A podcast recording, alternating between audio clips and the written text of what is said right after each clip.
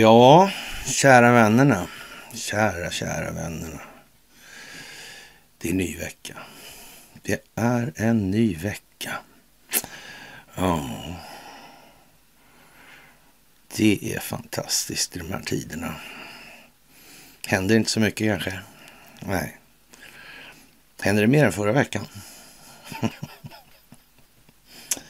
ja, men är det inte konstigt det här alltså? Förut sa trollen, och, ja, han säger att det ska hända, det händer ju ingenting.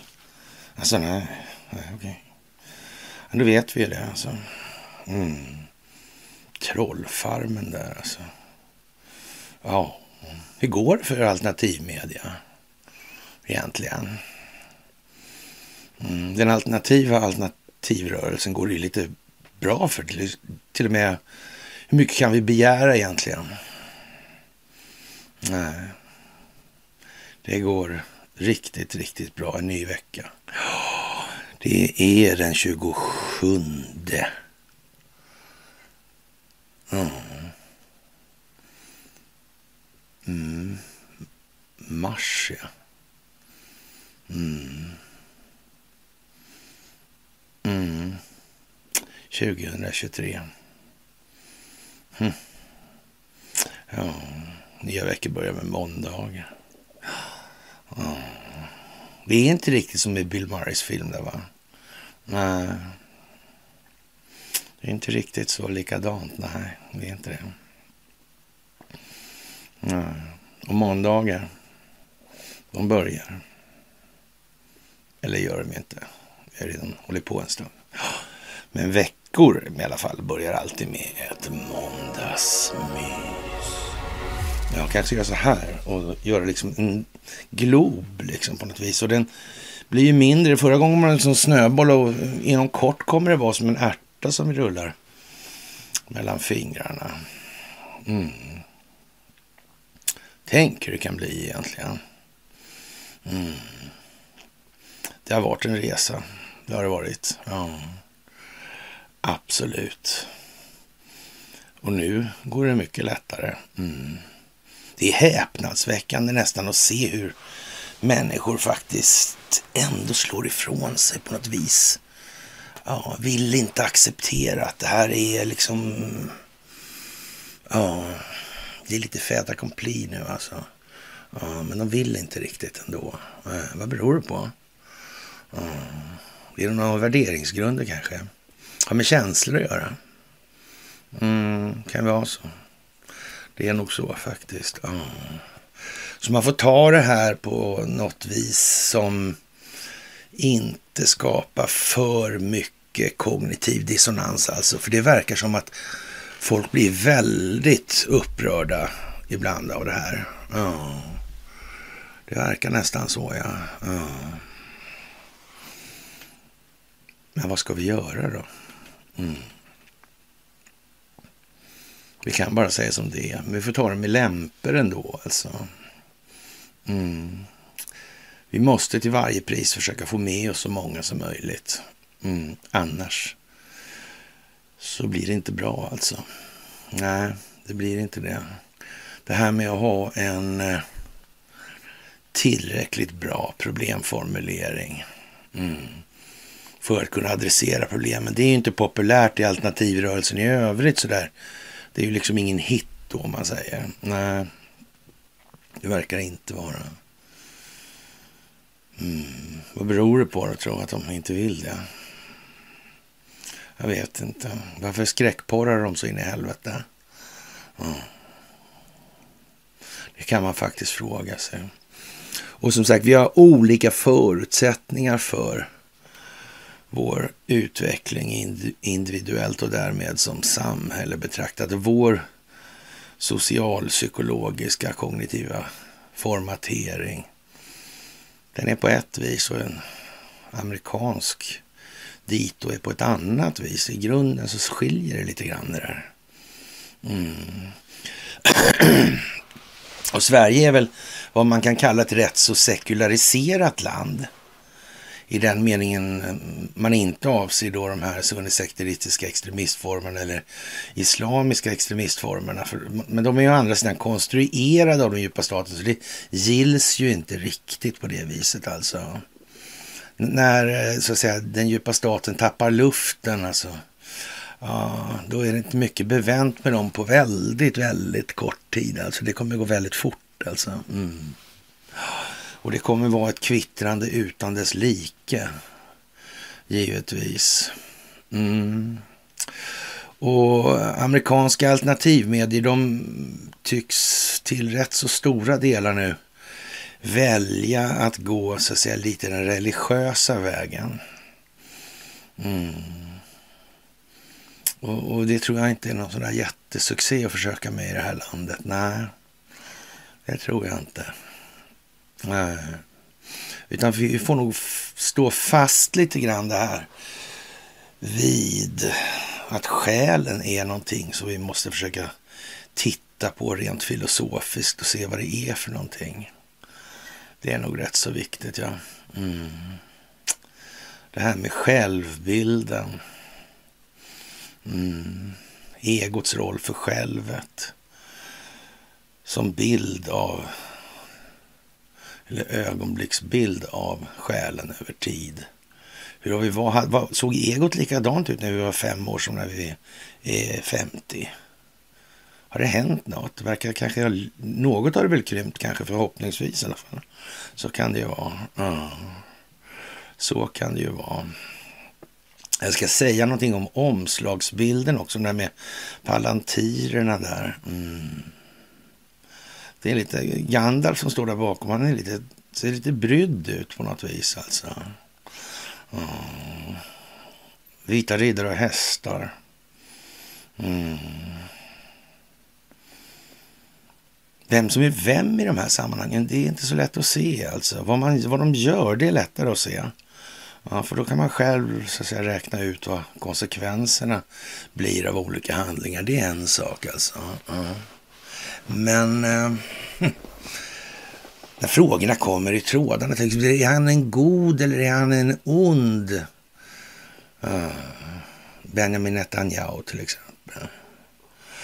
Ja, Benjamin Netanyahu är säkert inte helt klanderfri hela livet, men det är ju liksom inte frågan riktigt. Nej. Däremot så har han varit med väldigt länge. Det har han varit. Detsamma gäller för Peter Thiel alltså. Ja. Men huruvida det är helt utan klander, det vet vi ju inte. Nej. Det börjar ju komma upp saker som är, så att säga, i och för sig det är hans ensak, så det må ju vara som det är med det helt enkelt. Det kanske är ingenting som egentligen behöver vädras, men de som vill honom illa eller vill hans sak illa, Ja, och det behöver inte ens vara hans sak över hela tiden. Nej. Han kan mycket väl ha hållhakar på sig också, det vet man inte. Nej, det vet man inte. Det är speciellt. Och i hans fall kan man väl säga att han är ju trots allt techmiljardär. Va? Mm. Vilket i sin tur implicit innebär att då måste ju, ja, vad ska man säga, ja, strategiskt avgörande positioner inom underrättelsetjänstkollektivet måste i alla fall ha tyckt att den här utvecklingen skulle vara den som gäller. För det här är ett folkbildningsprojekt, det är det. Mm, baserat på en amerikansk stingoperation där eh, på hela taget gäller att röka ut den djupa staten i Washington så mycket som möjligt. Ja, mm, så är det ju. Mm, det stora problemet för USA, det är ju inte Ryssland, det är inte Iran, det är inte Kina. Nej, det är det inte. Utan det är den inhemska förvaltningen som är korrumperad. Och, och då kan man väl säga så här att, eh, ja, det har ju vi sagt några gånger då. Mm, det här med att lägga sig i andra länders inre angelägenheter, det är ju nästan en, ja vad ska man säga, en svensk utrikespolitisk konstform skulle man säga, kunna säga. För att gynna de här enskilda vinstmaximeringsintressena, det får man nog säga. Mm. Men ni är som vanligt spjutspetsen i det här. Och ja, fantastiskt att se den utvecklingen, hur det hela homogeniseras, ja, konvergerar. Mm. Ja, det är helt otroligt alltså. Ni ska ha det allra, allra, allra största av tack för gåvor på Swish och Patreon. Ni ska ha ett fantastiskt tack för uh, att ni fördjupar er på karlnorberg.se och att ni hakar på telegramtjänsten. Uh, att ni uh, förkovrar er på Wonderpods som för en strid i informationskriget som ingen kan missa alltså. Ja, det kan inte vara kul att vara alternativrörelse och liksom, ja, nej. Cornelia, det är en spontan applåd. Mm, mm, det är det. Fantastiskt. Vad roligt. Och Martins, ja, fast nu är det nog snart ingen myndighet som går på det där längre. Nej, nej nu, blir det värre. Det tror jag nog. Ja, då skulle det bara slam kommer det säga så. Åker luren på. Mm. Fast det vet man ju inte heller. Eh, man vet ju inte vad Gud fader har tänkt i det här. Nej, nej. Och det här med att hålla koll då på toppen på pyramiden. Mm. Det är ju det alltså. Har de missat den detaljen? Tror, nej, det tror inte jag. Jag tror de har en strategisk planering som är väldigt lång alltså. Man kan väl säga så här, om man kopplar tillbaka till eh, Peter Thiel där så verkar hans karriär, ja, den står ju inte Elon Musk eller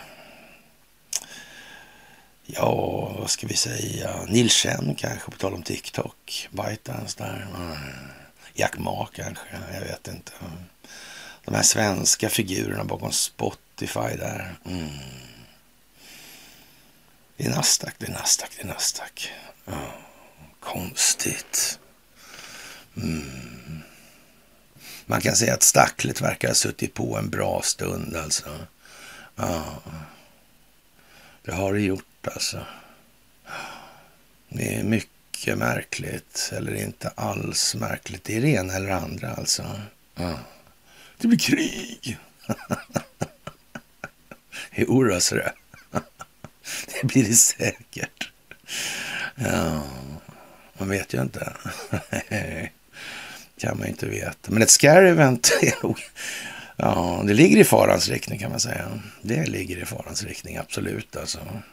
Och det verkar handla mycket om ekonomi, häpnadsväckande nog. Det verkar som att... Eh, ja, ekonomin styr politiken på något vis och, och systemet eh, förefaller lindrigt sagt skuldmättat. Det verkar liksom hända ekonomiska grejer i valutafinansiella sammanhang. Mm, mm, det verkar göra det alltså. Och, och sen får det här någon form av geopolitisk återverkning för att klä det här i någon form av trovärdighetskuliss då, som gör att de ska kunna komma undan det här ekonomiska då. Mm. Det är därför de är så angelägna om det här med krig och sånt där. Och alla som skriker om de här krigen och sådär. Mm. De har ju en militär bildning som kanske är sådär. Och samtidigt är det också den delen att man måste få upp folk på tå. Så visst, en viss skräckporr nu, det äger nog eh, sin plats i, i verkligheten också.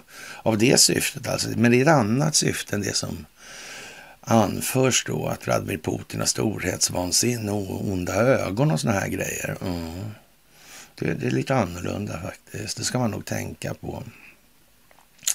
Och när man nu visar de här eh, strukturerna lite mer så är man fortfarande inte framme så att man så att säga adresserar det här med underrättelsetjänstkollektivets roll och underrättelsetjänsternas beroende av en telekominfrastruktur och utrikesdepartementens beroende av en underrättelsetjänst. Ah, Nej, det är inte riktigt där än alltså.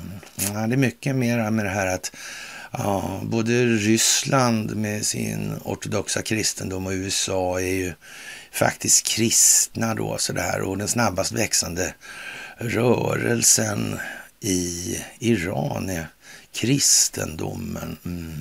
Sekularisering tror jag vi har nämnt någon gång sådär. Det tror jag.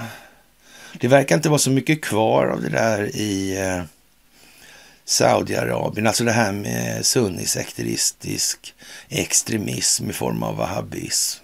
Det verkar ha gått smått med den delen. Mm. Man måste ta det på något sätt. För de måste liksom... Ja, man måste ha en liten handbok att hålla sig i, verkar det som fortfarande. Mm. Det är ju med viss logik så att vi befinner oss där vi befinner oss. Och med förmodligen ganska stor rätta skulle jag säga. Därför att eh, vårt språk är lite annorlunda än vad andra språk är. Vi kan bygga ord av andra ord på ett sätt som man inte kan i så många andra språk. Som jag har sett i alla fall. Mm. Och det gör ju att avgränsningarna blir ju helt otroligt mycket snävare. Mm. De får ha fler ord, men det blir ändå inte lika exakt. Nej, det blir en hel mening för varje så att säga, liten förskjutning i betydelsen bara, eller i värdeladdningen. Och det är lite olika det där. Och vi sa för länge sedan att vi har ju chansen att utgöra ett närmast enastående exempel på hur det faktiskt kan bli i den meningen. Mm som land och som samhälle. Ja, det är ju lite märkligt kan man tycka. Men ändå en viss logik i att vi har ju befunnit oss där vi har befunnit oss. Och, ja, men vi måste utvecklas med rasande tempo. Det är helt jävla hugget i sten alltså.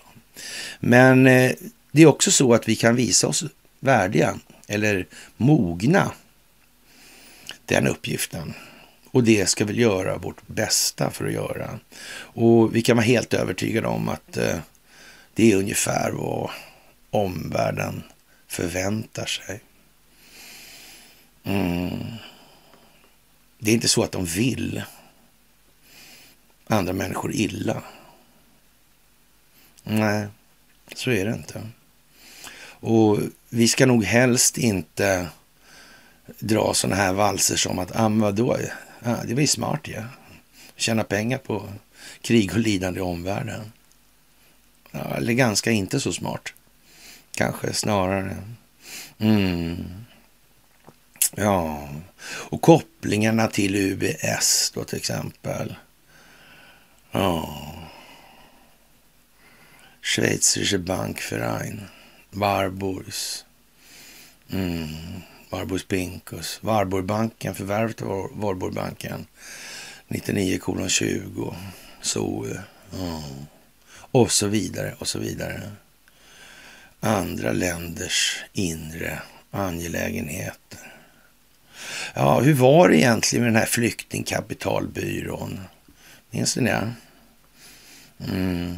Och det var ju efter då, eller i slutet på andra världskriget där. Ja, det var ju konstigt. Det var helt främmande för eh, den svenska mentaliteten att det skulle vara utländsk inblandning. Varför ville då allierade det skulle vara utländsk inblandning för tro?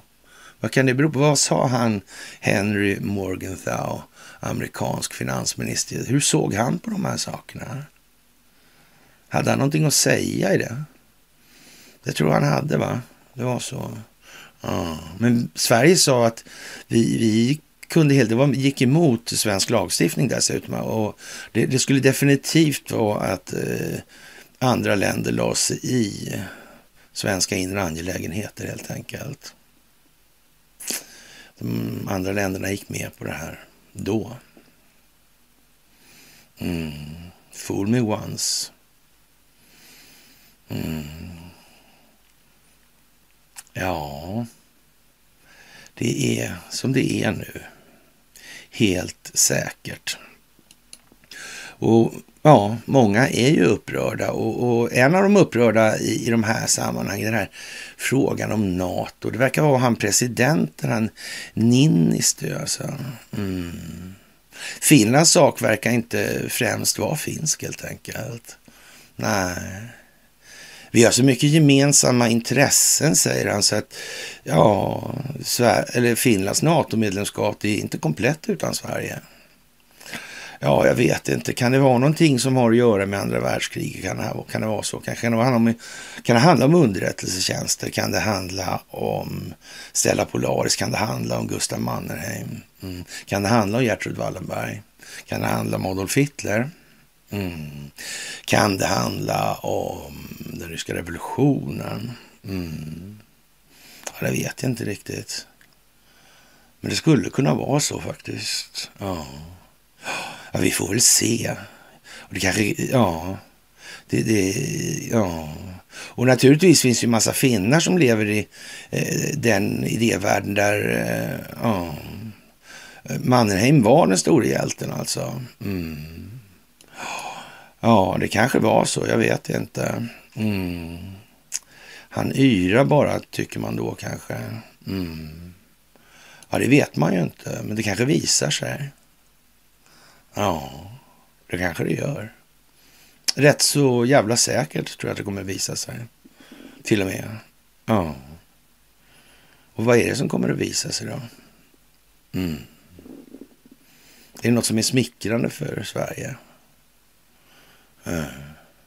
Man kan säga att det kommer inte visa sig vara små, så smickrande om, att inte, om inte vi har Ja, om inte vi framstår som en hungrig vargflock på jakt helt enkelt efter den sanning som bäst beskriver verkligheten. Nej, då känns det mest som vi är lite lata och gärna jävlas med andra för att kunna fortsätta vara lite lata. Det tror inte jag ger något bra intryck alltså. Jag tror det ger ett dåligt intryck om man ska vara ärlig. Ja, det kan vara kostsamt rent ut sagt. Riktigt jävla kostsamt alltså. Ja. Ryssland har nog en del synpunkter på Sverige. Jag gissar det faktiskt. Ja. Västvärldens reaktion kommer inte att påverka planerna på att placera ut taktiska kärnvapen i Vitryssland, säger ja, Peskov nu. Mm. Ja, att gruppera kärnvapen, det är inte som att stationera, det är olika saker. Det ena är mera på permanent basis. Mm. Ja. Och med avseende på räckvidden är jag lite osäker där på om man gör en sån grej kanske för optikens skull rent utav. Det skulle ju kunna vara så.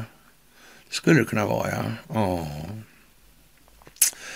Ja, och uppgift, alla uppgifter indikerar att terrorattacken mot Nord Stream inte kunde ha genomförts utan deltagarna av stater och deras underrättelsetjänster. Ja, som talesman för Kreml och allting. Nej, jag vet inte. Och väst vidtar alla åtgärder för att rulla upp ämne eller förskjuta ämnet Nord Stream. Men eh, ryska federationen kommer inte att tillåta att det här för, eh, hamnar i träda eller glömska. Det finns inte alltså. Nej. Nej, konstigt. Och, ja.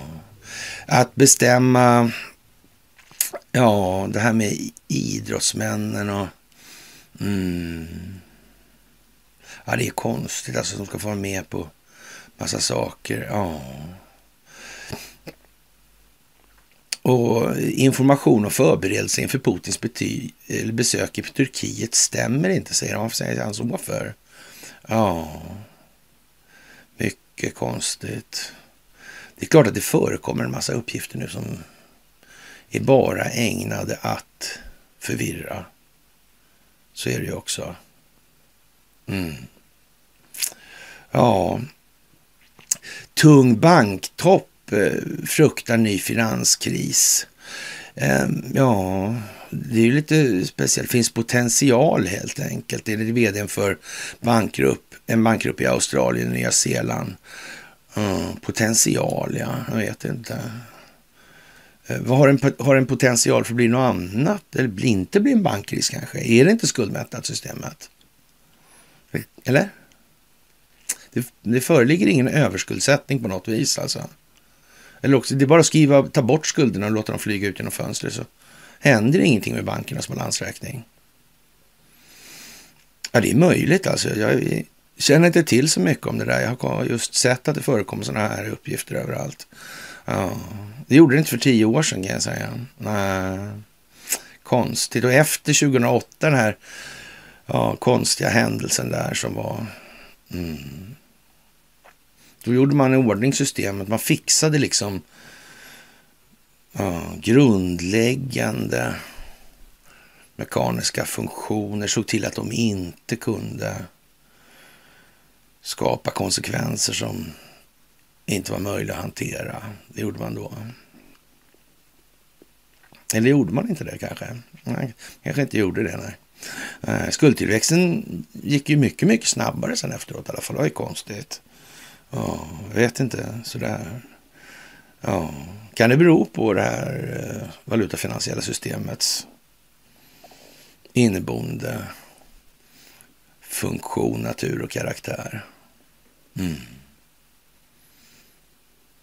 Det är ju inte sådär jättesvårt det här nu kan man väl inte påstå, tycker inte jag i alla fall.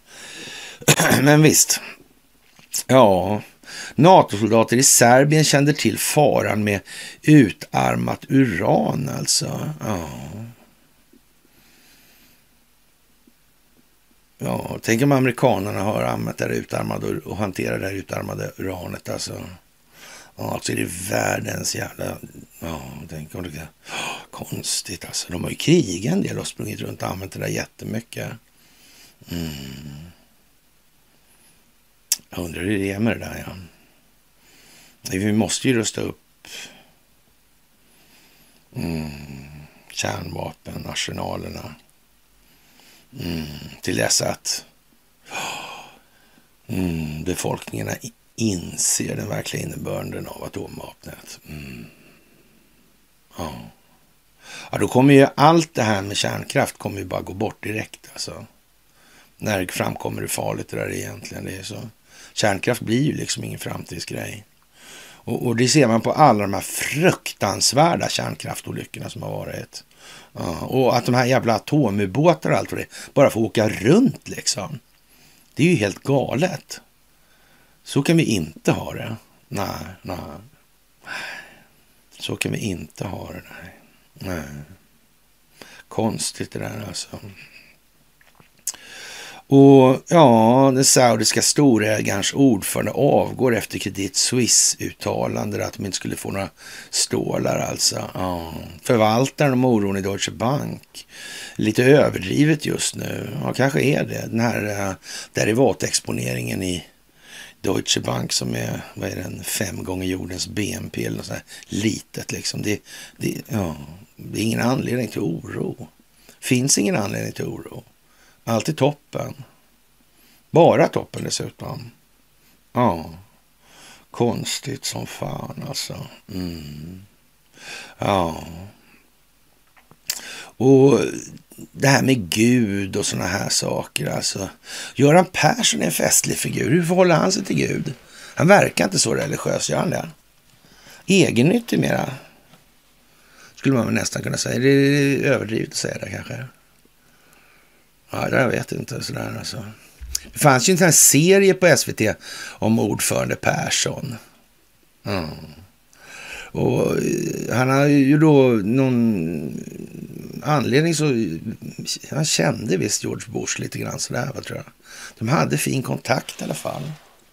Det kanske var religionen som sammanförde de här två. Ja. Eh, George Bush kommer ju från en djupt religiös släkt alltså. Ja. Det är därför han kallas Bandar Bush.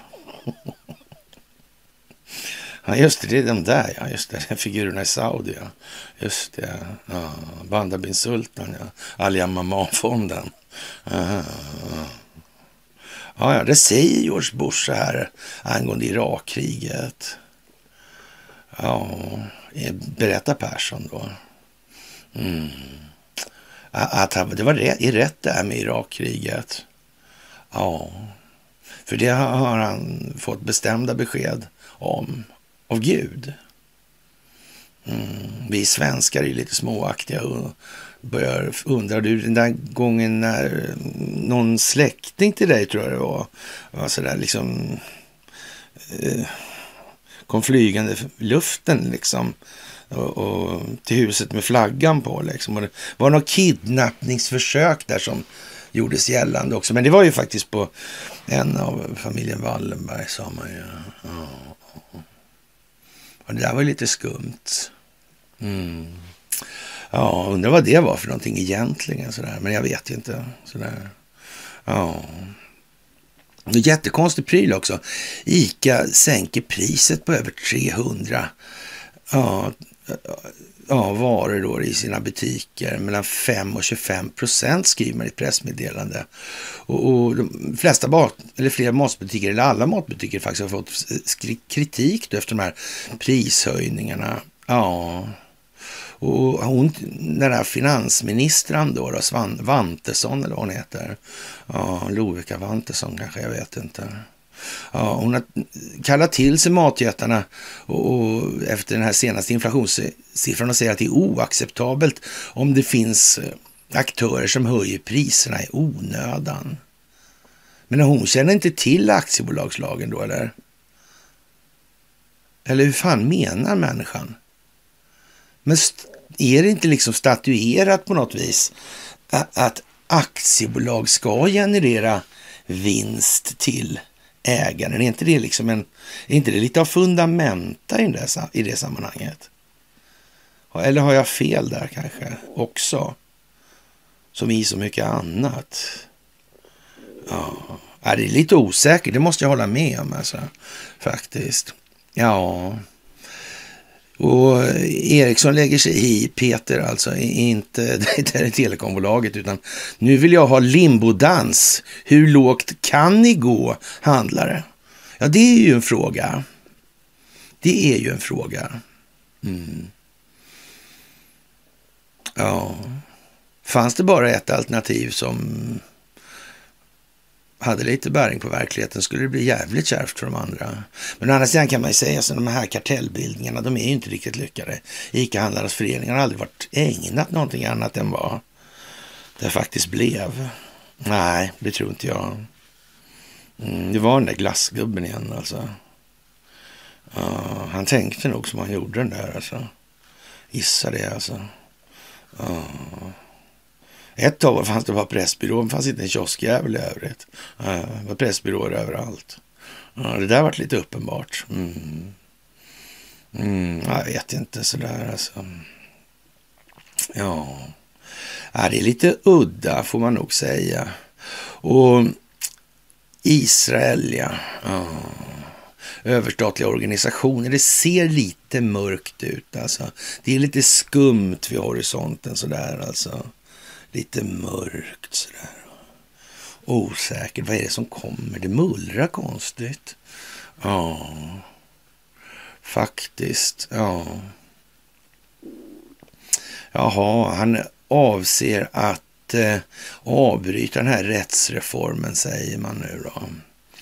Mm. Ja... Eller har man visat någonting i det här? Har man fått upp folk på tå kanske? Mm. Kan det vara så? Mm. En enstatslösning under öppna, transparenta former. Mm. Utan sekulär Nej, så kanske det inte var. Nej. Utan religiös kanske det var, ja. Ja. Mm, inblandning. Mm. Ja, börjar och slutar en religion. Hur mycket måste man tro? Mm. Kan eh, muslimer vara judiskt troende? Men hur fungerar det där egentligen? Kan, kan man byta? Kan man bli liksom? Eller är det någon kvalgräns på det där tids... axlar och grejer? Eller hur funkar det? Nej, jag vet ju inte. Alltså, jag bara ställer frågan för jag undrar. Alltså. Ja. Det där är ju konstigt måste man säga. Alltså. Udda grej helt enkelt faktiskt. Ja. Hela Israel håller på att stanna alltså. Ja. Det är udda det här alltså. Ja. Det där är konstigt. Och mitt i den här proteststormen så kommer han att avbryta det där. Okej, okay, är allt bra nu då? Mm. Var det här liksom någon form av fokusförskjutningsvariant kanske? Jag vet inte. Ja, konstigt alltså. Mm. Lite udda alltså. Man får ju bli lite undrande om det mesta i det här nu för tiden. Det är svårt att veta någonting alltså. Ja, Ryssland blandar sig i alla fall inte i Israels an, inre angelägenheter. Det finns ju en oherrans massa ryssar i Israel. Det är konstigt. Ja. Mm. Och, men Ryssland som sådant vill, då, eller Kreml i alla fall, vill att situationen ska lösas inom ramen för politiska förfaranden, sa den ryske presidentens sändebud för Mellanöstern och Afrika, vice utrikesminister Mikhail Bogdanov. Ryssland har inte information om USAs eventuella spår i försämringen av situationen i Israel. Men det är naturligt för Washington att blanda sig i andra länders inre angelägenheter, sa Bogdanov. Mm. Undrar om de är uppmuntrande av några som har det som eh, livselixir kanske. Ja, det vet ju inte jag, men naturligtvis, men jag är osäker. Mm. Ja, Moskva vill ha stabilitet påstår Bogdanov också och säkerhet för medborgarna i Israel och för ryssarna där. Det är rätt många, alltså det är någon miljon alltså. Mm. Konstigt. Ja. Det är udda helt enkelt. Här hemma har vi lite andra lekar på gång för folkbildningen. Mm. Bensinpriset höjs för fjärde gången på en vecka. Dieseln går ner. Det är olika inflation det här. Uh, det är selektiv inflation kanske. Uh. Det är svårt med de här begreppen, orden. Det är så mycket ordsallad. Kan man inga ord så är det ju jättesvårt. Det där är ju lite märkligt alltså. Uh. Ett liv utan kommunikationsmöjligheter. Ingen kommunikation med andra människor. Skulle det vara ett meningsfullt liv överhuvudtaget? Ja, det är svårt att se det där kanske. Ja. Kan ju vara det. Kan ju vara det. Mm. Är det många som tycker det livet skulle vara värt att leva om man inte kunde kommunicera på minsta vis med någon annan levande varelse? Mm. Språket där. Mm. Det får ändå anses vara det främsta verktyget vi har för kommunikation. Jag tror vi kan säga så och vara eniga. Det kan vi enas runt. Mm. Så att ta ifrån människor språket, göra dem fåordiga, uh, stympa deras förmåga att sätta ord på sina tankar och känslor, det verkar inte riktigt schysst. Om man vill att befolkningen ska utvecklas. Jag tycker det verkar riktigt dåligt. Uh. Ändå verkar det precis som att någon har tänkt här. Inte bara någon. Uh. Många, rent utav. Mm. Och en del är för dumma för att fatta det. De är nämligen uh, belästa. Uh. De är så belästa. Mm. Att det är större att tänka rätt än att tänka fritt. Mm. Det är inte dåligt beläst det. Då har man läst en hel del. Sanna mina ord. Ja, udda alltså inflationen, bensinpriser för fjärde gången på en vecka. Inflationen skenar på bensinen. Ja. Och oljepriser sjunker alltså. Mm. Vad vill det säga? Mm. Är det folkbildning det här handlar om? Det verkar nästan så. Det är en exponeringsiver som saknar motstycke i människans historia. Det kan vi vara helt överens om tror jag också. Mm. Det tror jag. Det är mycket som spelar roll nu alltså. Ja. Hur är det där egentligen? Finns själen utan kroppen? Ja, det är religiöst i alla fall. I, i religionen så gör det det. Det är helt säkert. Alltså. Men annars då? Mm. Ja, jag vet inte. Verkar inte det... Ja.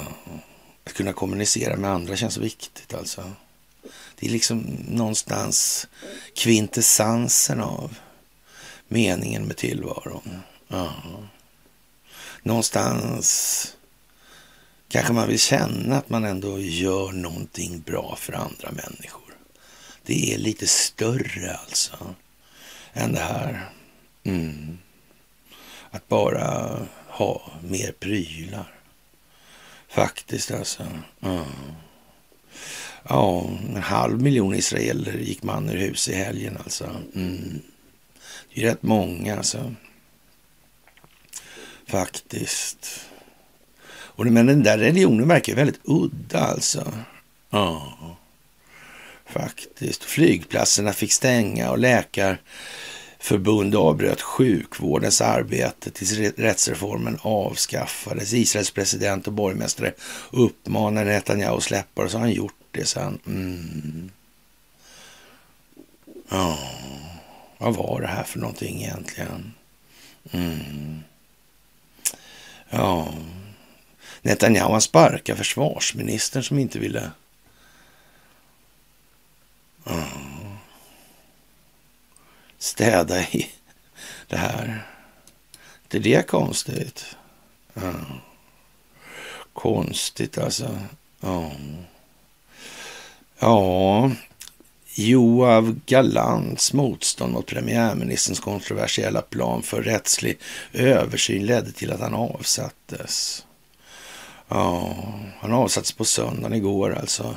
Mindre än ett dygn efter att Galant försökt sätta käppar i hjulet för premiärministerns kontroversiella försök här. Alltså. Ja. Ja. Galant var den första i Netanyahus kabinett som bröt ja, med premiärministern över förslaget. Mm. Var det meningen rent utav det här? Ja, ja. Tänk vad konstigt. Mm. Det kan ju vara konstigt. Det kanske finns en mera långsiktig strategisk planering i det här. Alltså. Mm. Eller kanske en långsiktig strategisk planering. Ja. Så kanske man ska ha intonationen. Faktiskt alltså. Mm. Ja, det är... Mm. Och han ska inte vara med i det här längre då. Nej.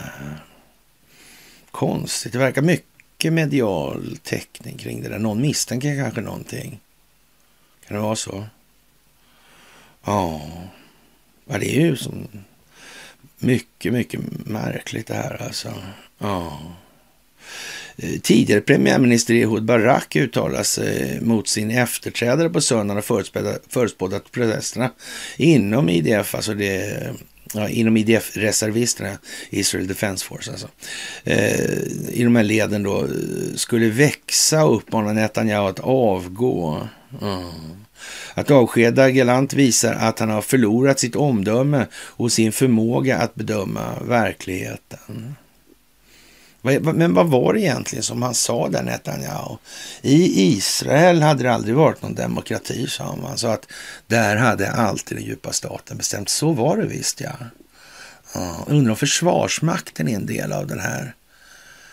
Mm, har de hållit på med såna här rena jävla underrättelsetjänstfasoner tidigare då alltså? De kanske har haft lite sådana små businessar rent utav. Ja liten kompanibutik med allehanda innehåll helt enkelt. Eller kanske en bataljonsbutik, en brigadbutik, det vet inte jag eller. Det kan ju vara sådär liksom, det kan vara storskaligt, jag vet inte. Nej, det kan man ju inte veta helt enkelt. Ja, det verkar undligt alltså. Faktiskt. Mm. Ja, det är ju lite sådär halvlåg nivån på det här kan man ju säga sådär. Mm. Faktiskt. Och det här med Saudi. Saudi Eriksson. Ja. Mohammed bin Salman. Ja. Hans förhållande till Banda bin Sultan. Mm. Credit Suisse, ja. Mm. Saudi National Bank. Undrar om eh, de här statsobligationerna som Saudiarabien faktiskt inte behöver redovisa som enda land i världen innehavet av. Öppnar inte det lite grann för att det ska kunna ha varit någon eh, Oil for Arms var det ju med England i alla fall och där var ju en hel del så att säga problem med debet och kredit. Va? Var det inte kontoföringen där som var lite sviktande? Och hade vi använt de här pengarna, hade det använts lite till terroristfinansiering av Luton-moskén och såna grejer? Mm, som färgade av sig på Drottninggatan och så vi skulle få upp ögonen för den här hemska, extrema, sunni-extremistiska islamtolkningen. Oh. Men det där var ju konstigt. De bombningen där på Drottninggatan. Ja. Just det. Mm, och alla de här saudiska ja, med mattknivar som snodde flygplan och flög sönder ja, World Trade Center och sådana grejer. Mm. Donald Trump, han var ju tidigt ute och sa att det här var lite tokigt. Ja. Visste han om det här redan då? Ja. ja. man kan ju säga om Peter Thiel var på båten frivilligt eller ofrivilligt alltså tidigt 90-tal då någonstans. I alla, fanns, I alla fall så fanns planerna uppenbarligen klara i början på 90-talet. Kan, kan man gissa någonstans att det här är ganska så parallellt med uh, Warszawapaktens fall. Mm. Så kan man nog tänka sig. Men sen är det ju inte så långt bak heller då. Och sen var det där kreditavregleringen och grejer 92 alltså. Ja, eller rättare sagt valutakursormen, eh, valutaormen ska jag säga. Fasta växelkursen är 92. Mm. Kreditavregleringen var 85. Mm. Var, var, varför hela tiden alla de här insatserna som finns runt de här stora traumatiska händelserna som mordet på Olof Palme och uh, de här krigen som bröt ut där i början på 90-talet. De verkar eh, eh, ändå ha någon form av blygsam, obetydlig, nästan osynlig koppling. Man får nästan ha förstoringsglas för att se dem. Alltså. Mikroskop alltså. Mm. Och då ser man ingen skog för bara träd, det är helt säkert. Ja, det är alldeles säkert. Mm. Credit Suisse, ja. Samma mönster, samma strukturer. Mm. Ja, det kanske är så att omvärlden inte tar upp Investor. Så kan man ju tänka sig att det är. Och, och det inte, beror inte på att omvärlden eh, inte känner till att det är Investor sitter där de gör, för det är det svårt att missa. Mm. Vilka är det som borde ta Investor? Vilka är det som, kan vi säga så här istället? Vilka är det som inte har tagit Investor? Som borde ha tagit Investor i det här som nu rullas, rullas upp. Vilka är det? Mm. Ja, det är just det, det är de ja. Vi. Det är vi ja. Mm. Och de här politikerna vi har haft, det är någonting som man kan skriva hem till mamma om. Men det kanske hamnar i kattens låda lika bra då va? Ja. Det kan ju vara så alltså. Ja, det är ju lite så. Mm. Undligt alltså. Ja, som sagt. Och nu ligger ju, nu är det världens största egendomsförvaltare det här, Credit Suisse. Mm. 38 000 miljarder. Det är en hel del pengar alltså. Mm. Och jag vet inte om det var, om det var kronor eller Mm, euro. Men det kanske kan vara skitsamma om man säger så. så. Det är ingen som... Det är substantiellt belopp skulle vi kunna säga. Ja, sådär. Mm. Ja, och facket tycker att bonusar signalerar att det visst finns pengar.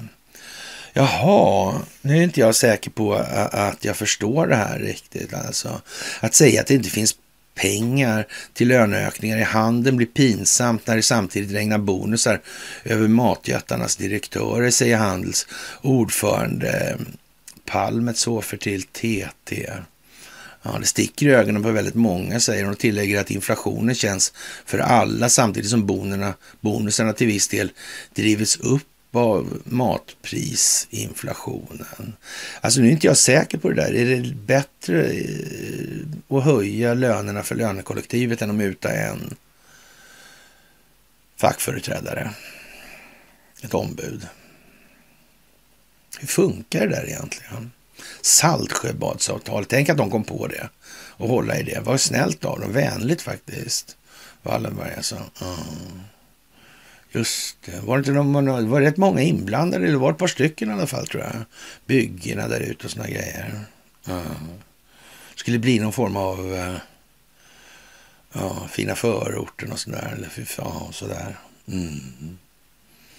Just det, ja. ja. Man kan säga att det är lite själslig lyteskomik på gång här snart. Om det fortsätter så här, om inte vi så att säga mm, får fart på vargflocken. Eller ja, vi får inte väcka varulven alltså dock, det går inte. För då är det bara, då är det inget bra alltså. Nej, det måste finnas lite eftertanke, lite list alltså. Som Kolmårdens vargar ungefär, blev lite listigare sådär. Mm. Just det, men de var ju genmanipulerade, gensaxade alltså. Ja, konstigt alltså. Historien upprepar sig. Många kommer att lära sig av den här krisen. Det hade varit enklare att skriva artikeln att svenskar är världens mest skuldsatta folk i ett skuldmättat system där bankerna säljer säljer på befolkningen sina egna skulder som vi får betala ränta på för att använda som betalningsmedel. Ja, det gör man inte alltså. Räntekostnadstillväxten kan inte mötas av en realekonomisk värdeförändring eller en värdeförädling då värdestegring då. Så i produktionen, det går inte. Alltså det finns inga pengar i världen som kan klara av likviditeten. Problemen växer konstant. Det här systemet står vid en punkt där systemet kommer att bryta samman. Så är det bara helt enkelt. Och ja, den yngre generationen har tagit låga räntan för given nu alltså. Nu kommer unga svenskar, kanske även myndigheter och politiker att få lära sig en läxa. Och själv, som jag själv lärde mig för länge sedan, skriver Olof Manner. Eh, den kostnad och skuldkris vi nu går igenom måste leda till en mer balanserad skuldsättning och en annan syn på risk och avkastning under lång tid framöver. Jag vet inte, han, han verkar lite saktfärdig den här människan alltså.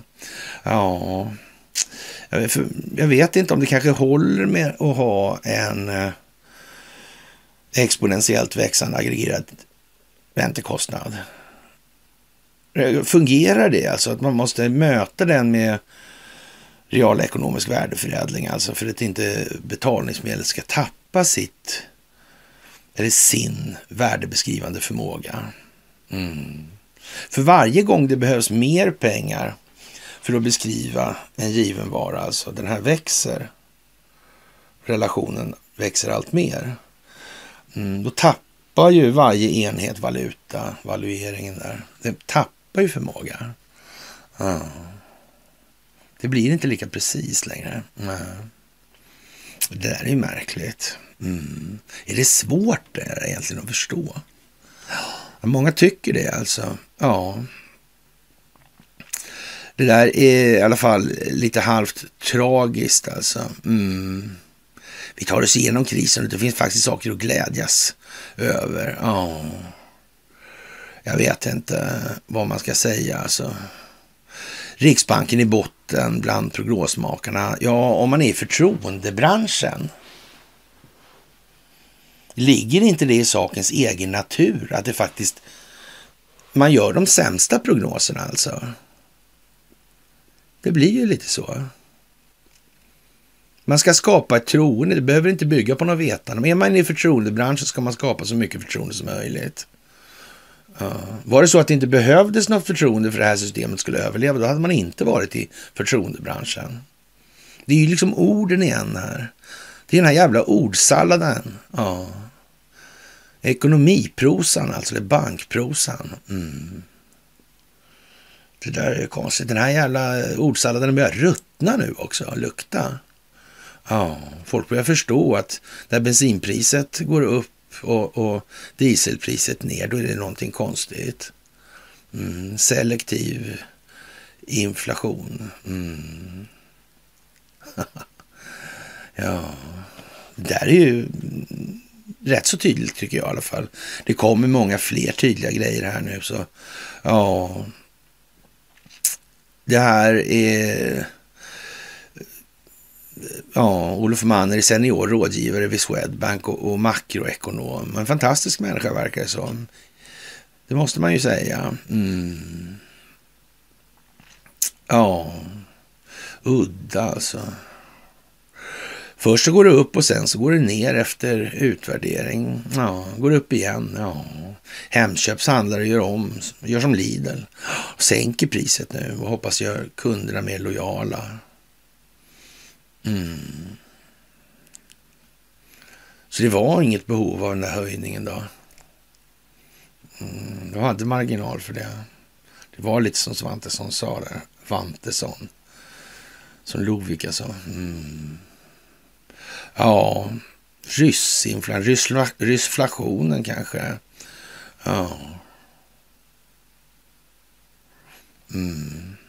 Ja, det finns utrymme för förbättringar. Och som sagt, transkvinnor förbjudna från kvinnlig friidrott. Ja. Nu börjar de ju springa där och bara, de ser ut som vanliga män liksom. Mm. Och säger att de är kvinnor. Mm. Det är lite optik i det skulle jag vilja påstå. Faktiskt, ja. Konstigt alltså. Det måste jag säga. God dag, yxskaft alltså. Ja. Aktieaffär under privat lunch med banktjänsteman var grovt insiderbrott.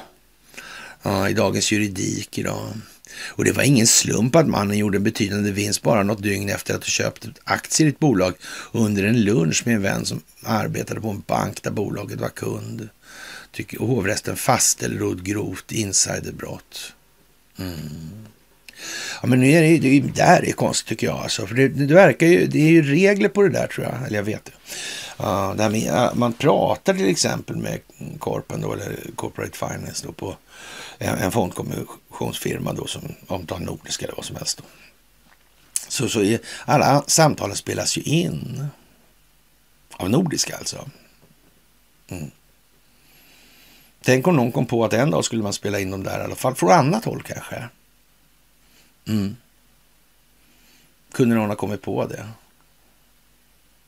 Man vet ju inte sånt där. Det är så mycket spekulationer. Alltså. Jag vet inte. Mm. Jättekonstigt alltså. Ja. Och ja, när dumheten får ett ansikte, ja. Mm.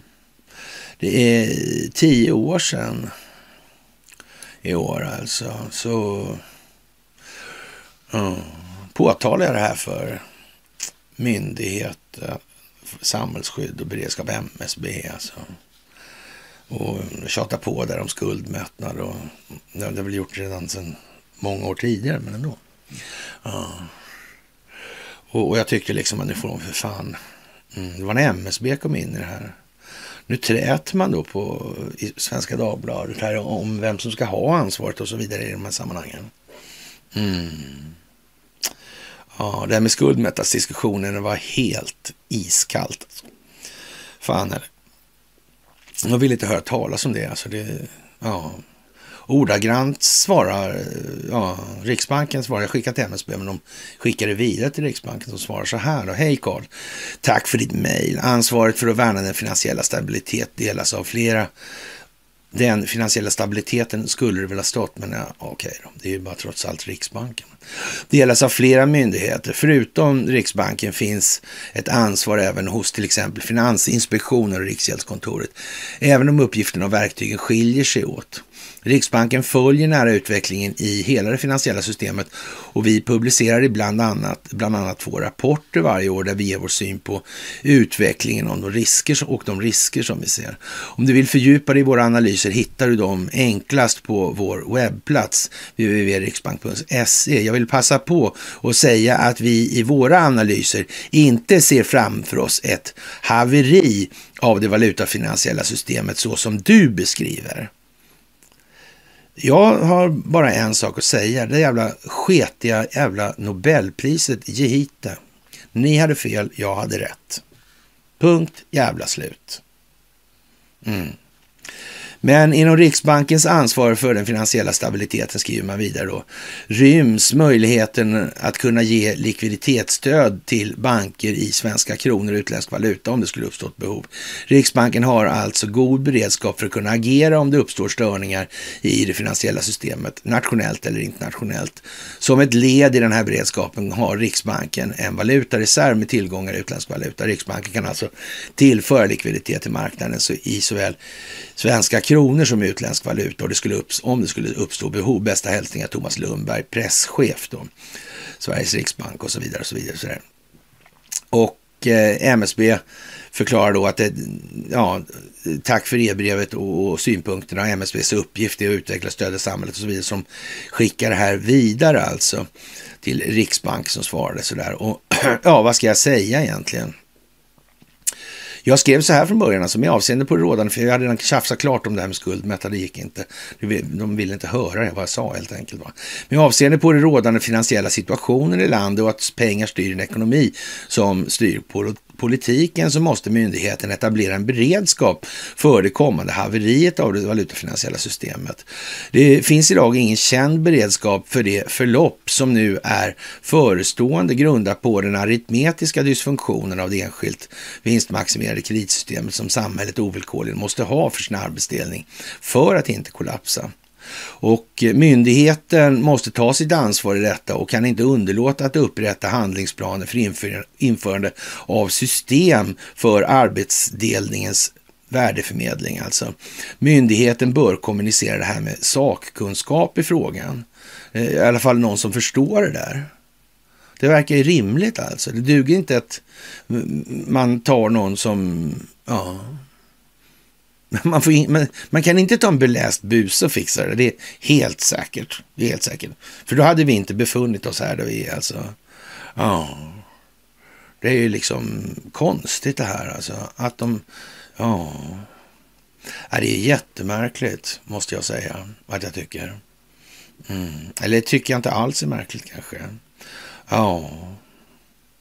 Och samma år så höll jag en föreläsning i Kungälv och, och, på samma tema. Ja. Och så har det hållits på, alltså det är ja, tio år sedan och så. Och jag skrev så här efter den föreläsningen. Så det låter kanske hårt, men eh, all diskussion om politik utan koppling till ekonomi, det är meningslöst alltså. Och detta blir i sin tur meningslöst utan en grundläggande förståelse för hur banksystemet fungerar, eftersom det här utgör grunden för hur vår ekonomi är uppbyggd uppbyggd när bankernas pengar styr en ekonomi som kontrollerar politiken. Detta möjligen skenbart invecklade system har stor påverkan på allt från penningmängd till kreditmarknadens hälsa som brukar kallas prisstabilitet. Men allt är skapat för att verka komplicerat, men det hela är egentligen mycket banalt. Kort uttryckt så är grunden till banksystemet en funktion i två, där bankmedel, pengar, dels backas upp av endast en bråkdel av den totala inlåningen som alltså blir till utlåning och det är den ena delen av det grundläggande tricket. Det är att inlåning skapas genom att man kallar skuldebrev för deposition och bokför dessa depositioner som inlåning av pengar som blir till utlåning. Och de här kallas alltså för depositionsbevis. Alltså, då. Istället för att kalla det för ja, för vad det är då. Mm. Detta system föregår bildandet av statliga bankmyndigheter och lagstiftning som har skapats för att upprätthålla det här häpnadsväckande fräcka och imbecilla system. Ja, det härstammar från praxis och tidiga bankirer som, vilka efter att ha insett att insättare vanligtvis inte kräver betalning samtidigt utvecklade och förfinade det här moraliska haveriet. Ja, det är själsliga möbler vi pratar om alltså egentligen. Mm, så är det ju alltså. Mm. Och olika mediala utfall av förklaringar basuneras ut som förledande information till systemets försvar, upprätthållande, innehållande exempelvis skuldsättningens betydelse ur perspektivet av hur skuldsättningen är fördelad utan att nämna vad det är som egentligen är eller inte är så farligt. Det är bara någonting som är farligt helt enkelt. Ja.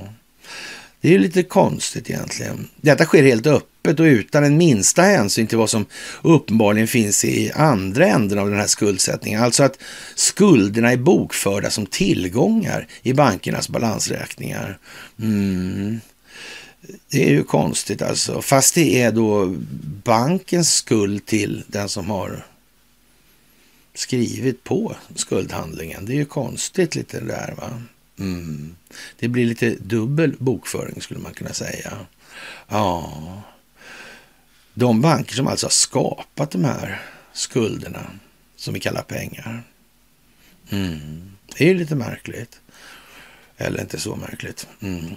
Det som uppges vara farligt och som exempelvis eh, Stefan Ingves alltså alltid varit så rädd för är att bankernas balansräkningar ska drabbas av kreditförluster. Det är en, det är ett gällande och obestridligt faktum. Det här med bankernas balansräkningar. Jag tror vi har pratat om det. Jag tror de flesta som lyssnar på det här förstår det här nu. Det tror jag. Ja. Ett uppenbart argument är därför häpnadsväckande nog, så, och det lyser med sin frånvaro här, det blir således också att det faktum att anledning till det här så fruktade kredithaveriet kaoset då med given ekonomisk naturlagsmässighet måste bero på vad som eh, Åsa-Nisse egentligen är mest rädd för. Det är att betalningsoförmågan ska eh, ja, infinna sig hos den skuldsatte i någon storskalig form. Alltså. Men om det här pratar inte eh, någon av de här parterna så mycket om. Alltså. Det är det farliga för banken att betalningsoförmågan alltså. Nej, men det ser vi ju nu det här med räntorna. Mm. Jag pratar med inte mm. De vet ju det. Men de höjer ändå. Varför gör de det? Är de inte rädda för kredithaverierna längre? Är det inte som jag säger? Mm. Eller finns det någon annan anledning, tror jag? Mm. Mm. Kan det finnas en pedagogik bakom det här tro? En strategisk pedagogisk plan kanske? Ja, man vet ju inte. Ja, faktiskt alltså. Konstigt. Nu kanske fler människor därför istället borde fråga sig varför då Åsanes är så rädd för hushållens växande betalningsoförmåga i förhållande till skuldsättningen. Mm, det är en det då, tror jag. Vad är, det, vad är det som spelar roll i det här? Ja.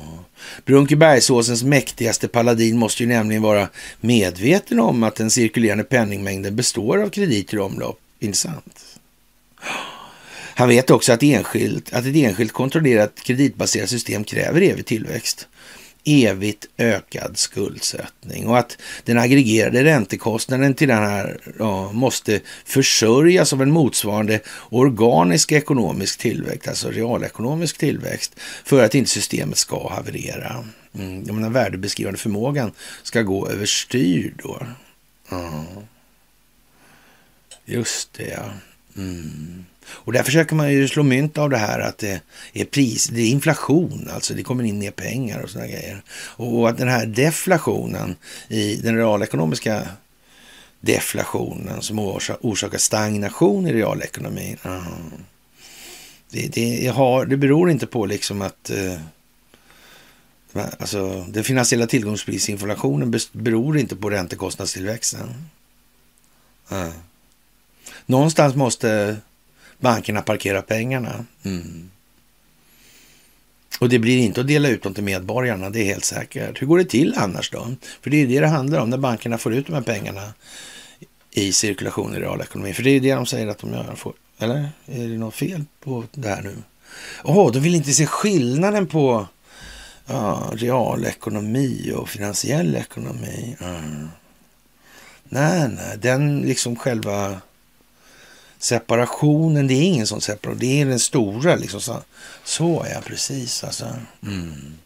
Och det här själva att eh, realvärdeförädling måste handla om realekonomiska värden alltså. Alltså sånt som människan behöver. Alla kan alltså inte vara frisörer och stå i en lång stor cirkel och klippa varandra. Nej, det går inte. Då kommer de svälta ihjäl. Alltså. Det är konstigt. Det måste vara folk som gör andra saker också. Ja, någonstans är det här med realvärden. Det är ju liksom vad det är då. Det, realvärden måste ha någon form av koppling till någonting. Vad kan det vara för någonting? Mm, kanske liv? Mm. Ja, ja, ja. Ja, men då kan vi ta det här med allas lika värde. Det är väl liv då som är det. Ett liv per gubbe eller människa. Mm. Borde det vara då i så fall. Mm. De här som värderas annorlunda, det vet jag inte om det är riktigt schysst eller riktigt lämpligt ens. Inte ens ur... Eh, mm, eller inte ens i ordsalladens förlovade land är det nog inte. Nej. Nu ska man inte diskutera filosofi med människor som är hängivna den här typen av frågor. Det här är ett jävla illa som man tyvärr måste göra någonting åt först innan man kan släppa det. Det går inte annars. Nej. Ja, konstigt alltså. Verkligen alltså. Ja, han vet nog det här med tillväxtkravet tror jag. Jag känner till Jag tror Åsa-Nisse känner till det. Möjligen, men bara möjligheten, så känner Åsa-Nisse även till att han befinner sig på ett ja, sluttande plan, höll jag på att säga, men på en ändlig planet i alla, alla fall, det tror han vet. Att den här moralisk eh, haveristen då, ja, helt skulle ha missat att människor ovillkorligen måste få det sämre för att bankernas vinster ska öka i det här systemet. Det, ja, enligt med systemets inneboende natur och karaktär alltså. Och det är han som ansvarig för Baselkommittéerna, har han varit i en evighet alltså. Mm. Det förefaller minst sagt osannolikt alltså. Och det är ja, försiktigt sagt alltså. Mm. Ja, det är en tragikomisk banal grund till att pengar i vårt moderna banksystem har förmågan att förökas genom banklån. Alltså varje gång ett lån tas då så skapas pengar. Bankerna kan påverka penningmängden. Av vad i banken, ja, det kan du nu alltså inte bara gissa du vet, alltså ur ingenting, ex nihilo på latin. Och, mm. De flesta människor skulle dock fortfarande enbart tillskriva centralbanken denna förmåga, men i verkligheten gör alltså varje bank det här med varje lån de skapar. Så igen då, varje lån som skapar pengar skapar dock också en kostnad av ränta som ligger utanför det här lånebeloppet som ska betalas tillbaka. Då banken Ja, till banken alltså. Vilket gör att det alltid måste skapas en ökande mängd lån, pengar, för att försörja den sammanlagda aggregerade efterfrågan, alltså, eller efter, eh, räntekostnaden, förlåt. oh, som pengarna i, själv, i sig själva skapar och för med sig genom sin själva existens. Det är därför som det enskilt kontrollerade kreditbaserade systemet kräver evig tillväxt. Vilket därför också så ivrigt förkunnas som vägen till människans lycka från systemets sida. Det skapar därför också en evigt växande vinst över tiden för bankerna på bekostnad av den organiska produktiva ekonomin, alltså realekonomin och människornas välfärd. Ja, det är ju konstigt. Det är viktigt att bevara systemet tydligen. Människor, människorna är inte så viktiga. Tiden verkar nu obevekligt mot det här finansiella systemet som verktyg för att förslava människor och nationer genom länder, heter det, genom räntebelastad skuld. Alltså inte bara ur perspektivet av det allmänna, den allmänna förståelsen hos individen för den egna ovillkorligt kommande situationen. I skenet av en, den aritmetiska verklighetens ljus så inser nu allt fler att uh, även att oändligt, oändlig räntekostnadstillväxt inte fungerar så här superbra på en ändlig planet. Faktiskt inte. Att detta, om inte annat förr eller senare, gör skulderna obetalbara börjar många förstå också. Alltså. Uh. Vidare så förstår nu människor allt mer att om obetalbara skulder utgör tillgångarna i bankernas balansräkningar så kommer bankerna att bli insolventa senast när de här tillgångarna realiseras som obetalbara och eh, att tillgångarna alltså dessutom ovillkorligen måste haverera med tiden. Om Åsa-Nisse får hållas med sin målsättning så blir det mycket mänskligt lidande och, väldigt rika banker helt enkelt. Jag tror vi har kommit dit, det här var ju tio år sedan jag skrev det här. Alltså. Ja, efter den här föreläsningen då. Och den politiska röken och speglarna har nu därför tagit sig så absurda former att de underliggande faktiska eller falska polit politiska budskapen nu helt har lämnats till förmån för de egennyttiga syftenas pragmatiska uppfyllande, alltså i vårt folks fall. Politikerna i det finansiella systemets tjänst, de är inte ens i närheten alltså, av något annat. Inte ens när vänsterledaren ställer sig i bräschen för att rädda bankernas rätt att plundra människor och nationer, så har det här skapat mer än en krusning på det allmänna eh, politiska debatt nattens så kav lugna vattenyta. Nah. Men det växer också en tidvattenvåg av ökande förståelse i det allmänna medvetandet. Som sagt, tio år har gjort rätt mycket skillnad skulle man kunna säga. Ni kan ana hur det såg ut för tio år sedan och hur det såg ut för 15 år sedan. Det orkar jag inte ens prata om. Ja, jo det orkar jag väl i och för sig. För den politiska klassen är faktiskt, de är också bara slavar alltså, och slavar till den här penningskapande makten som ursprungligen består av gamla kungafamiljer, företagseliter och bankeliter och deras familjer. Politikerna är bara en slags högre klass av slavar. Slavar in i herrgården skulle man kunna säga, istället för ute på fälten. Om politikerna vill behålla sina positioner av komfort och undvika piskan så måste de göra vad som är bra för sina herrar. Detta bra för makten är dock allt annat än vad som är bra för mänskligheten. Detta system är därför också allt annat än en demokrati. Vilket de försöker ge ett sken av att det faktiskt är någon form av demokrati. Det har aldrig varit en demokrati här heller. Nej. Och det här är inte raketforskning. Människor har skrikit ut sin oro över den här fullkomligt galna ja, det här tillståndet och dumheten och ohållbarheten i det här för många. Ja, evigheter alltså. Men det blir ju lite som att ropa i öknen utan kommunikationsmöjligheterna. Mm, där också. Lustigt nog alltså. Men nu är det annorlunda. Det finns många av dessa som allt för lätt och bekvämt avfärdats som domedagsprofeter och konspirationsteoretiker när en mer korrekt benämning skulle ha varit realister. Mm. Ja, det har ju blivit lite annorlunda kan man säga på de här tio åren sedan jag skrev det här. Och ja, det finns absolut ingen anledning för ett land och dess befolkning att underkasta sig det här oket i den nuvarande formen av enskilt kontrollerad kreditbaserat system med centralbank, BIS och IMF och så vidare mellan länder och deras banker. de obetalbara skulderna som tillgångar i bankernas balanser måste bort alltså, och de kommer att dra med sig resten. Institutioner som dör som ett resultat av kontakt med verkligheten dör i verkligheten som ett resultat av frånvaron av lögn. Mm, så är det ju. Om räntan på pengar är priset på risken i en investering så måste Sverige bevisligen vara det dummaste landet på jorden. Ja, bevisligen är det ju så då. Om gäldenären, alltså den skyldige, betalar det här priset på risk i form av ränta, som alltså speglar risken för ett haveri av skulden, alltså, så måste också gäldenären ha rätt att att haverera skulden och lämna situationen och de säkerheter som ställs till borgenären mm, för finansieringen med avseende på det betalda priset och de lämnade säkerheterna. Men i Sverige så behåller alltså gäldenären skulden vid ett personligt åtagande för alltid, till och med efter personlig konkurs. Samtidigt som borgenären både tar in de ställda säkerheterna och behåller ränteintäkterna och i förekommande fall med enskild vinstmaximerande part även får hjälp av det allmänna för att genomföra galenskapen. Ja, man kan ju inte försynt låta bli att undra vad det egentligen är som ränta speglar priset på. Om det inte är risken då.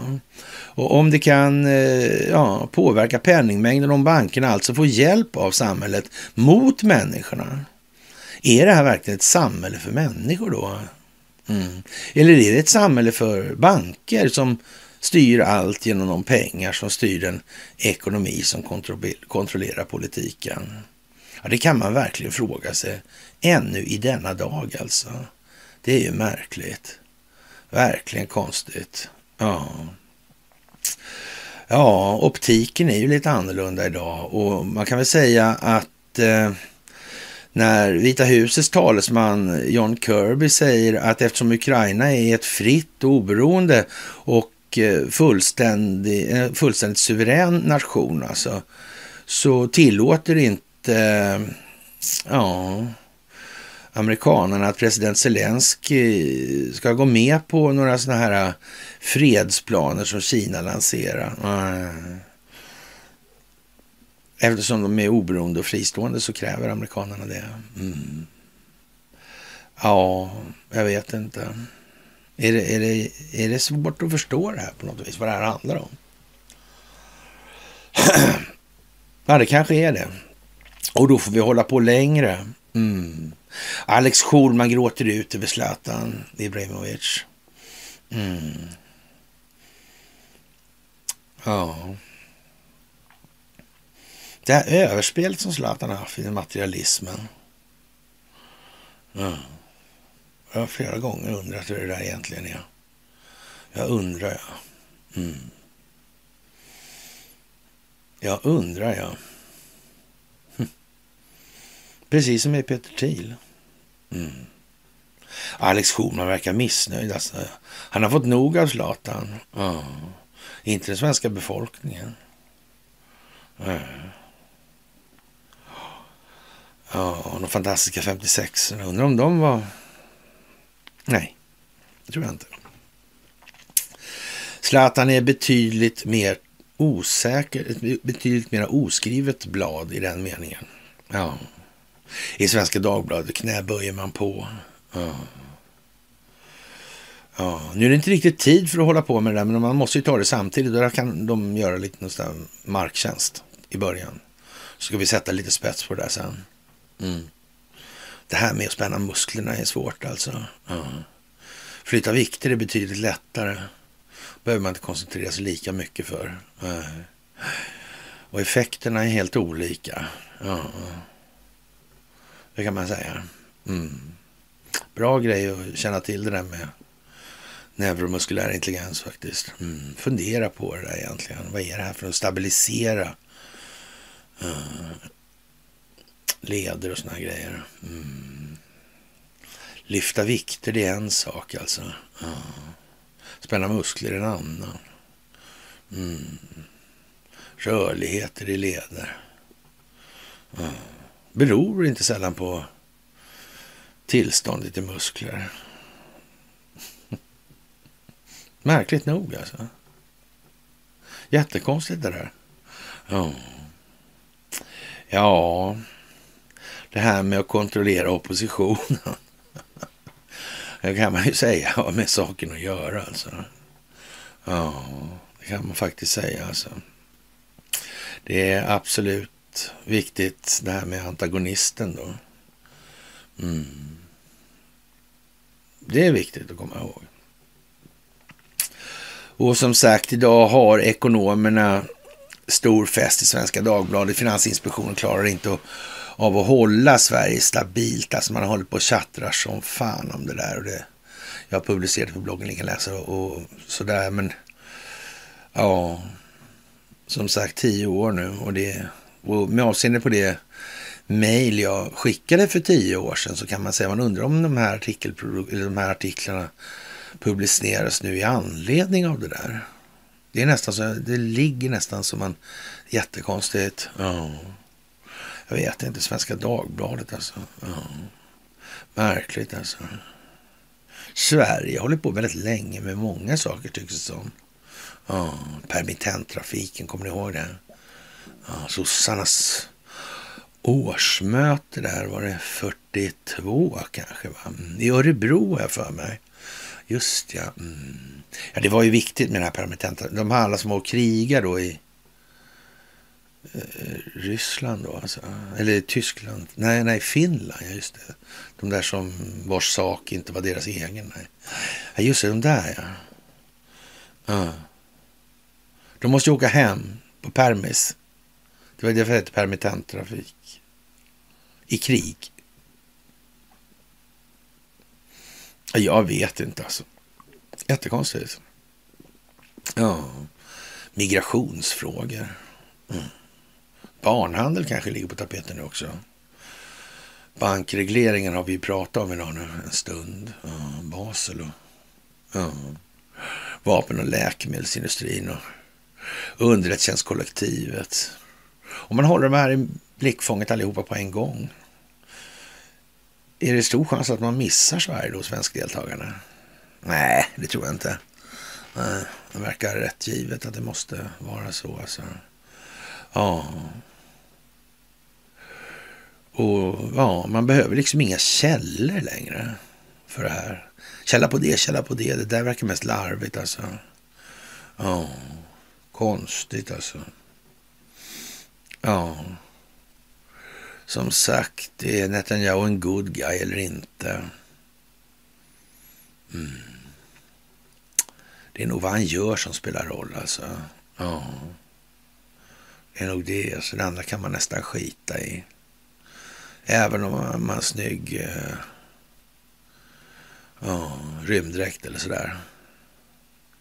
Kanske alltså. Ja. Och Turkiet annons, eller går ut med att man stöder Kinas fredsplan alltså. Mm. Ja, om det skapar eh, ja, en grund alltså för fred alltså. Mm. Ja, men, men hur blir det då med, med, med Sveriges medlemskap i NATO? Det är väl som det är då i så fall. Ja. För, för Sverige har väl uttryckt sig i fråga om den här kinesiska fredsplanen. Har de inte det? Ja. Men hur ska det bli med det där då? då? Ja, det vet inte jag riktigt. Alltså, det måste jag säga. Jag är lite osäker på det faktiskt. Ja, märkligt alltså. Mm. Vad ska vi försvara oss mot för någonting då? Men det kommer ju alltid någon som vill roffa åt sig, eller hur? Det är det. Ja. Det måste vara det. Det måste vara det alltså. Ja. Avanza Fonder röstar nej till ansvarsfrihet i Ericsson. Mm. Ja, konstigt alltså. Och, och, det verkar svårt med ja, successionsordningen, eller så att säga, mm, tronföljden. Investor Kinnevik. Mm. Det var jättekonstigt. Alltså. Det verkar inte vara någon som vill ta det där ansvaret. Ingen vill ha den här jävla bomben i knät när den smäller, verkar det som. Kan det stämma? Kan det vara så? Jag vet inte. Ja.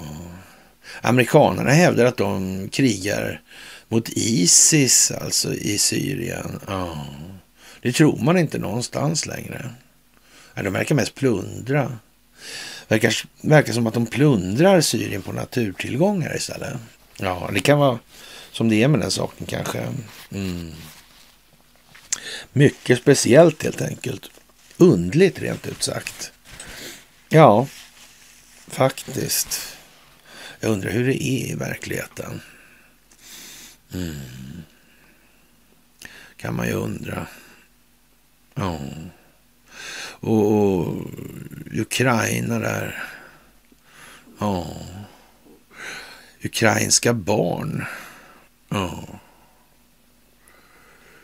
Ryska UDs presschef Maria Sakarova pekar återigen ut Sverige. I sin telegramkanal varnar hon för att de ukrainska barn som har flytt till Sverige ja, befinner sig i en risk alltså. Ja. Och även i andra europeiska länder riskerar man att fara illa och utnyttjas. Samtidigt anklagas Ryssland för att kidnappa och olag olagligt adoptera bort tusentals ukrainska barn. Vad heter statsministern? Jag höll på att säga, men det barnhandlaren, vad heter han egentligen? Mm. Ja, det är ju eh, mm, konstigt. Mm, det verkar rätt så korrumperat och mycket det här. Den där djupa staten verkar vara ett stort problem på många håll faktiskt. Ja. Och Vladimir Putin påstår att den här eh, Simon Hörs verkar på bollen alltså. Mm. Och att amerikanska underrättelsetjänster ligger bakom det här. Ja. Jag vet inte. Det är ju otur om det är så alltså. Ja.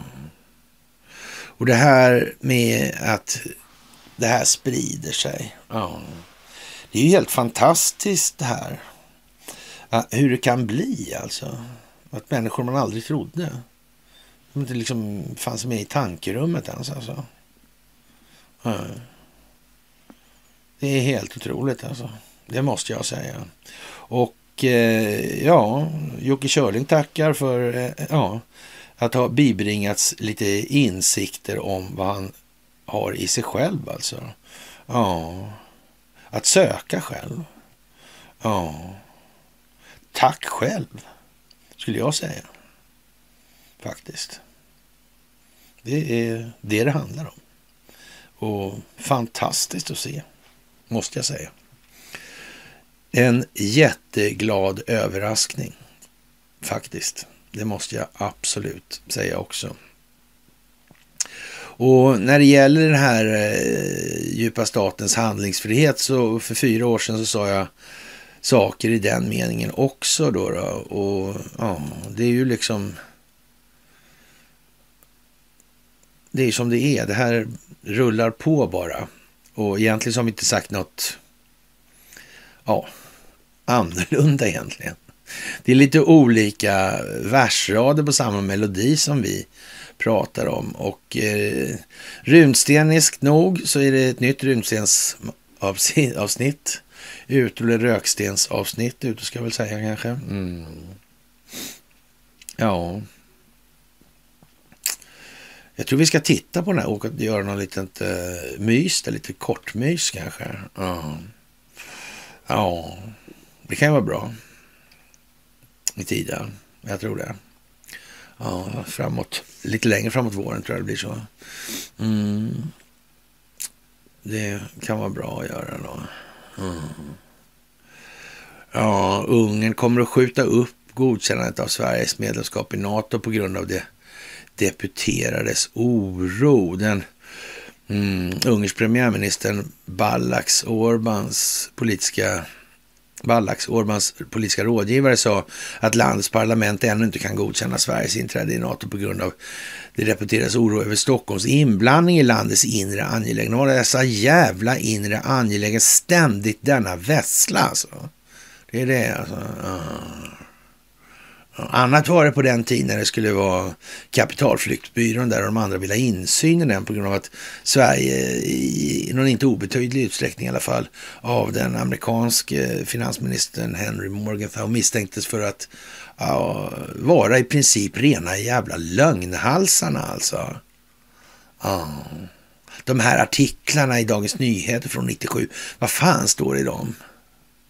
Ja, han Aldert Alders där har skrivit och han Alders Wibe-Alders alltså. Ja. Affärer till varje pris på svenska men The Art of Cloaking på anglosaxiska. Mm. Ja, det där är ju konstigt alltså. Ja, jag vet inte vad man ska säga om det där alltså. Ja, man ratificerar avtalet om Finlands anslutning till NATO. Det blir den 27 mars. Då. det är idag det. Ja. Men, men, men, eh, och skjuta upp frågan om Sveriges medlemskap. Ja. Och de senaste svenska regeringstjänstemän, ministrar, premiärministrar och politiker under de senaste åren ständigt uttryckt tvivel om tillståndet i den ungerska demokratin. Förolämpat ungerska väljare och deras företrädare och därmed hela landet, skriver Orban. Premiärministerns rådgivare noterar också att det dåliga politiska samarbetet mellan Ungern och Sverige i EU får än att undra hur det kommer att bli i NATO i så fall. Mm. Och, och, sen om Turkiet samtidigt då säger att nej, men, vi tycker att kinesernas idé är ganska bra liksom. Mm. Det verkar lite konstigt alltså. Mm. Och sen Ninnis tycker plötsligt att nej men äh, vi har så många gemensamma intressen så det finska medlemskapet blir helt enkelt inte komplett med mindre när Sverige är med. Mm. Kan det bli knö? Kan det upptakten till något vi ser här? Kan det bli knöligt det här? Kan det bli problem i, i NATO? Aha. aha.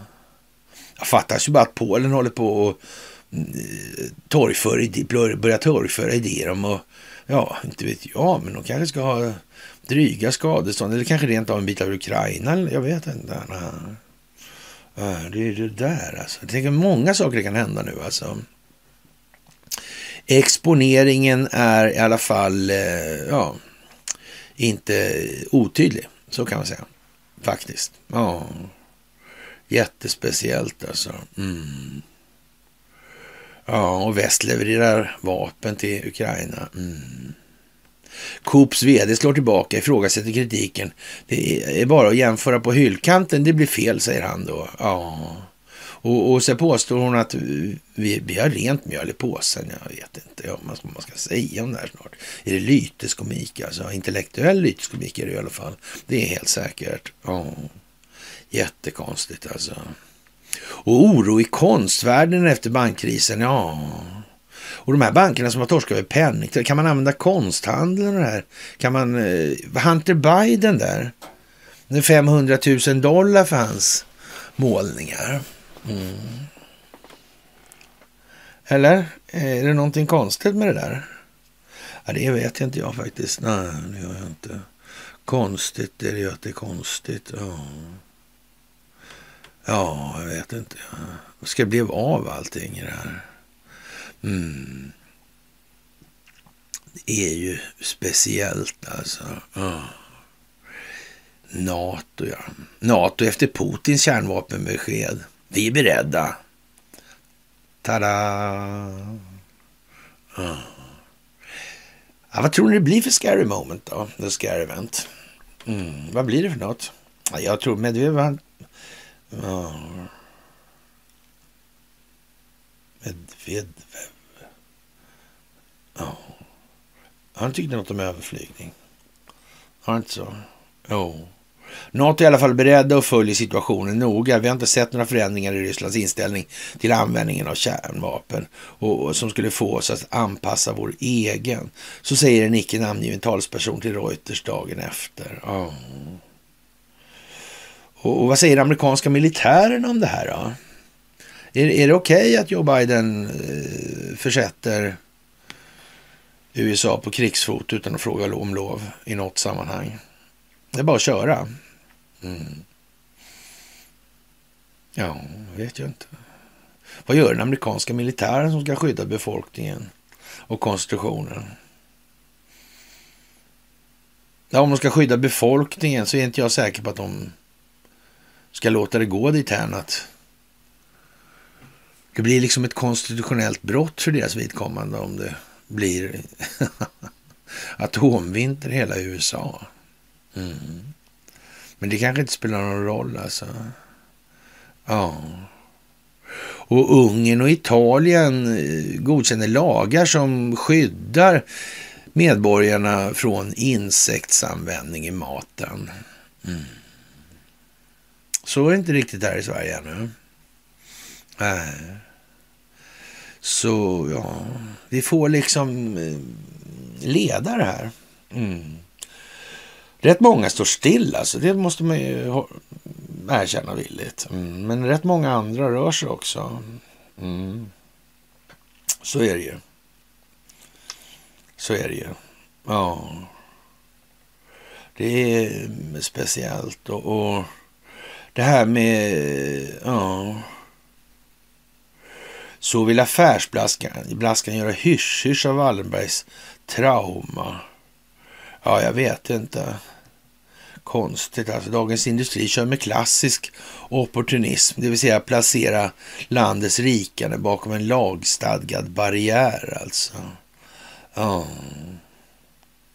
Det här med gated communities och... Mm. Ja, jag vet inte. De har inte varit så pigga på att kritisera Wallenberg de senaste hundra åren. Nej. Nu helt plötsligt.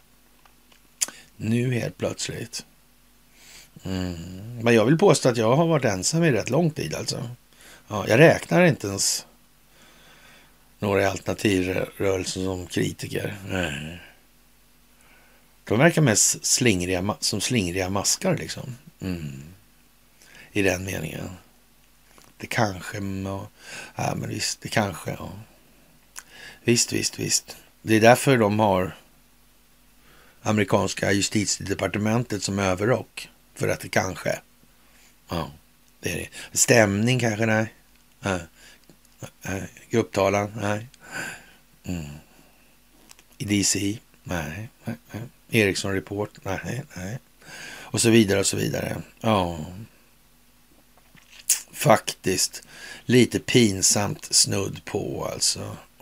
Eh, ja, det är till att projicera ut sin falska solidaritet som skrift på andras näsor. Det är svenskt alltså. Ja.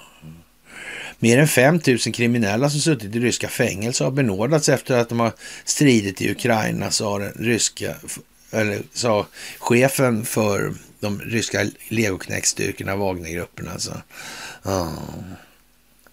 Han uppger i ett inlägg på Telegram att eh, 0,31 procent av de som har benådats efter att ha fullföljt tiden för sina kontrakt har återgått till kriminellt leverne.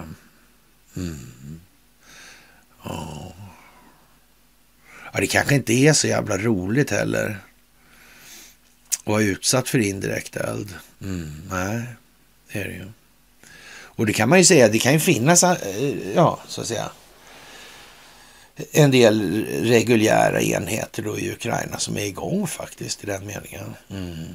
Det går inte heller att låta dem hålla på för mycket så de beskjuter civila. Skjuter de på civila lär de bli bekämpade på en gång. Skjuter de på ryska legoknektar så blir de förmodligen inte lika bekämpade. Äh. Och, och, det finns gott om plats i fängelserna i Ryssland nu vad det verkar. Mm. Det är lite udda. Ja. ja, man vet ju inte alltså. Mm. Och ja, det är sommartid nu. Ja. Är det där något bra egentligen? Påverkar det det endokrina systemet på något vis? Uh, är det kortisol kanske som är en del i det där? Stress, långsiktigt stresshormon. Kan det vara så? Ja, jag vet inte. Jag har tjatat om det i hundra år, eller känns det som. Ja, i alla fall lika länge som eller ekonomin. Ja, det är väldigt, väldigt speciellt alltså. Mm. Och, och, ja, kaos i Libanon när det är olika tidszoner i en månad framåt på två religioner. Mm. Men det är klart att Gud måste ju liksom, eftersom han bestämmer alltså, så är det klart att det är Gud som ska säga hur det här ska hanteras. Ja. Hur säkerställer man då Guds, Guds utsaga i det här? Vem är det som ska göra sig till tolk? Ja, och ändå så måste vi tydligen ha då den här religiösa handboken, eller så att säga. Ja, så. Det är inte så att biblar och andra religiösa skrifter är författade av människor. Det är inte det alltså. Och, och, och ja, kristendomen är inte manipulerad av Konstantin och Athanasius med, med, med rena maktsyften. Det har inte varit så alltså. Eh, till och med fast de har konstruerat jultomten. Ja, ja, det. Är klart, alltså. Man grävde inte ner några Eh, döda havsrullar. Det gjorde man inte när de här evangelierna man tog bort alltså. Det gjorde man ju inte. Nej, nej. Så är det ju alltså. Heliga anden dök upp där. Heliga trefaldigheten. Jag fick inte ifrågasätta. Nej, jag vet inte, det är konstigt alltså. Mm. Ja, men hur, hur det nu så att säga tron på Gud är lika korrekt som tron på att det inte finns en Gud. Ja. Ja, men alltså, ja, men precis. Men det här med oskuldspresumtion och be, be, bevisa sin oskuld, det brukar ju vara... Det är ju en tämligen imbecill företeelse. Det skulle kunna vara om man påstår någonting, en förekomst så att säga. Så, ja. Och bevisa en icke-förekomst liksom. Ja, jag vet inte. Den logiken är ju lite sådär alltså. Så det är lite sådär halvdeprimerande när man eh, konstaterar att man i USA tar den där vägen. Men å andra sidan är fine liksom. Det blev en sen natt i lördags med amerikaner då. då. Och, och, man kan väl säga så här att det, det blir allt lättare att förstå vår innevarande situation här. Faktiskt. Det kan jag säga. Mm. Och sen kan jag ju tycka att jag hade ju vissa förväntningar om att det skulle vara ja, betydligt lättare. Det var ju första gången jag överskattade...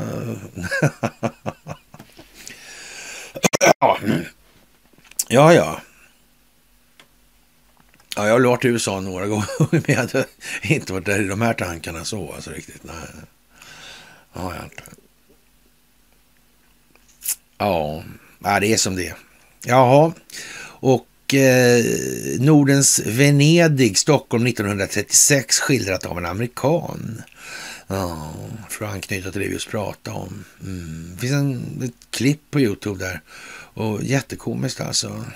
Och det fanns en revy som hette Köpmännen i Nordens Venedig och spelades på Folkan 36 då. Ah, och framför, framfördes då Karl Gerhard och Sickan Karlsson. Karl Gerhard spelade in sången Nu ska vi vara snälla, den här eh, eminenta låten då. Och eh, Ja, vad ska vi säga?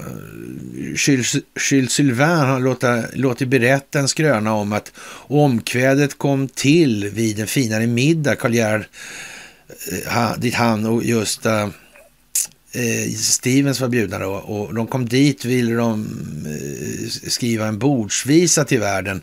Nu var det här en mycket fin middag med eleganta men också sparsmakade portioner och herrarna Sylvain Stevens var hungriga karar som trängtade köttbullar och makaroni. Eh, och när de skulle skriva visan sa Stevens att det inte var lönt att anmärka på att maten var i finaste laget för nu ska vi vara snälla alltså. Ja, och, och, ni har ju, känner ju igen den här låten naturligtvis. Och eh, avslutningen är ju vad den är då i de här sammanhangen. Och ja, vi ska inte tala, eller rättare sagt, när hela världen offrar miljon på miljon på krut och kanon har Sveriges nation blott en försvarsminister men inget försvar. Den flotta vi har man indrar och spar. Försvarskommissionen ett praktverk gett ut med följande visa beslut. Vi ska inte tala om Bofors och Krupp, ty nu ska vi vara, nu ska vi vara snälla. Vi var inte med när som krutet fanns upp och tror inte det, tror inte det kan smälla. Om fienden kommer från luften till oss så gömmer vi oss och då kan han ej slåss. Och hjälper i det får vi sjunga förstås att nu ska vi vara, nu ska vi vara snälla. Ja, tänk hur det går samman hela tiden. Det är ju helt fantastiskt tycker jag i alla fall. Alltså. Det klarnar upp alltså, riktigt ordentligt alltså. Ja, och det har varit möjligt sedan 90-talet alltså att utläsa det här. Mm. Hur det här har sett ut alltså. Det är ju för fan, ja. Men de är känsliga för det här med pekpinnarna. Det är ju så alltså. Ja, faktiskt alltså.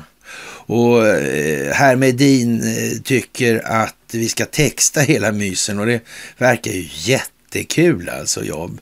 Men det kanske någon vill göra. Vad vet jag liksom.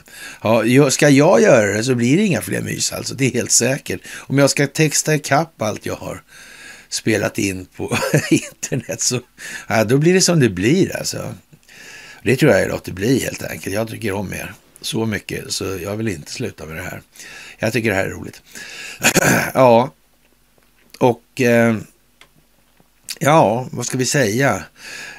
Det här, eh, nu ska industrimark ses över i Ljungaverk. Det är lustigt, det är en fabrik, det är en gammal fabrik förstår ni. Mm, superfosfatfabriken. Uh, de hade Gestapo-kontor där förstår ni. Mm. Jättekonstigt. Tillverkade tungvatten. Men där lägger vi ett pass nu alltså. Vad är det som finns under Gälleberget? när skidtunneln som de har byggt in i fjället. Som från början var dubbla tågrälsar. Så man kan ju köra in två tåg i berget. Det är ju kilometerlånga tunnlar alltså. Mm. Men vad är det under då? Den här vapenfabriken, vad tillverkar man där? Mm. Omlastning, ja. Konstigt. Men det var ju inte så mycket sånt där tungvatten. Men ändå var schysst alltså av alla att Eh, man från svensk sida fick sälja tungvatten både till axelmaktssidan, alltså Italien, Japan och Tyskland och till den allierade sidan som forskade då genom Manhattanprojektet. Mm. Och det här var ju alltså på den fabriken då, eller det, ja, Lise Meitner, hon var ju satt ju till och med i Nobelkommittéerna. Just det, det var konstigt. Att hon, att hon gick med på det där, att de sålde vatten till, tungvatten till tyskarna, var, tycker jag var märkligt. Eller? Vad, hur hänger det ihop liksom?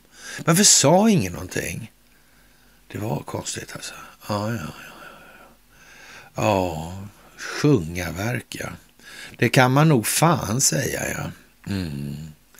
Ja, den 26 mars 2022. Ja. Ett år sedan alltså. Mm. På Djurgården. Cirkus. En fantastisk kväll helt enkelt. Det är många som eh, ja, kommer ihåg den. Jag också. Jättefin kväll. Ni ska ha ett stort tack för den också faktiskt, så här i efterhand. Ja, speciellt alltså.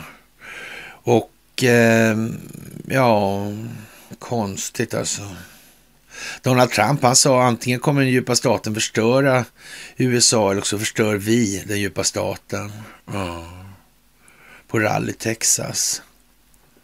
Det var ju konstigt. Mm. Han tycks vara insatt i det där med att den djupa staten existerar. Mm. Det verkar ju faktiskt Xi Jinping vara också ändå. Även om det oftast har uttryckts som ett eh, fåtal svenskar som på brutalt vis lägger sig i Kinas inre angelägenheter. Jävla om det här med Kinas inre, det är vässlan alltså. Det är som vässlan. Mm. Nordpolen tror jag den där hette, den där kyl, det där kylskåpet som krympte semlorna. Sådär alltså. Mm. Bollen blev en ärta liksom. Ja, just det. Så ja. Snöbollen alltså. Mm. Konstigt alltså. Ja. Väldigt märkligt alltså. Ja. Och det här med Bosch-affärer alltså. Det verkar konstigt. Det måste jag säga att jag tycker. Mm. Vad sa den här Henry Morgenthau om det här? Mm. Ja, jag vet inte. Tyska Bosch Power Tours har släppt ett ambitiöst försäljningsmål för 2030 och Husqvarna där Bosch numera är storägare ingår i planerna. Mm. Men den som hoppades på fler detaljer än så gick bet. Jag vet inte, är det här del av en planering, någon form av strategisk planering kanske? Ja, det vet ju inte jag alltså. Det har jag ingen aning om. Nej. Verkar väldigt märkligt alltså. Ja. Det får jag säga. Ja. Ja, nej, jag vet inte. Det är mycket som är konstigt här nu, är det inte det? Mm. Vad ska det bli av allting här? Det ska bli bra. Är det planerat? Jag vet inte om man behöver vara så där våldsamt osäker på det här längre egentligen alltså. Men det kanske man ska vara. Oh. Det kanske man ska vara, ja. Man kanske ska lita på våra politiker. Man kanske inte behöver bry sig, man kanske kan luta sig tillbaka och koppla av istället. Det här blir jättebra utan att göra någonting.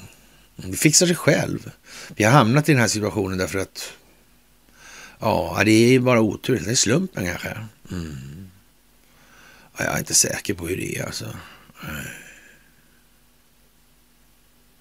Ja, konstigt egentligen att det kan vara så här verkligt. Det måste jag säga att jag tycker det är jätteverkligt. Ja. Faktiskt alltså. Ja, Martin han jagar ju satelliter numera alltså. Ja. Det där är konstigt också. Ja, försvaret där. Det verkar som att de gör det här för att bli upptäckta. Så jävla illa alltså. Ja, faktiskt. Och Löfven kampanjar för korruptionsanklagat parti. Ja. Värva röster i Montenegro, en röst på DPS, en röst för stabilitet. Han var väl ord, blev väl ordförande i den europeiska socialdemokratiska rörelsen. Där, och, och sen visar det sig då att den här, det här eh, röst, den här DPS då verkar på något vis eh, verkar hålla på med barnhandel om jag har tolkat saken rätt. Verkar inte det där märkligt? Han kanske känner, eh, eh, Löfven kanske känner Ulf Kristersson, barnhandlaren. Har de något gemensamt i det där? Jag vet inte alltså. Och Erdogan tackar Putin för attityden. Ja, jättekonstigt det där med vetet och såna här grejer.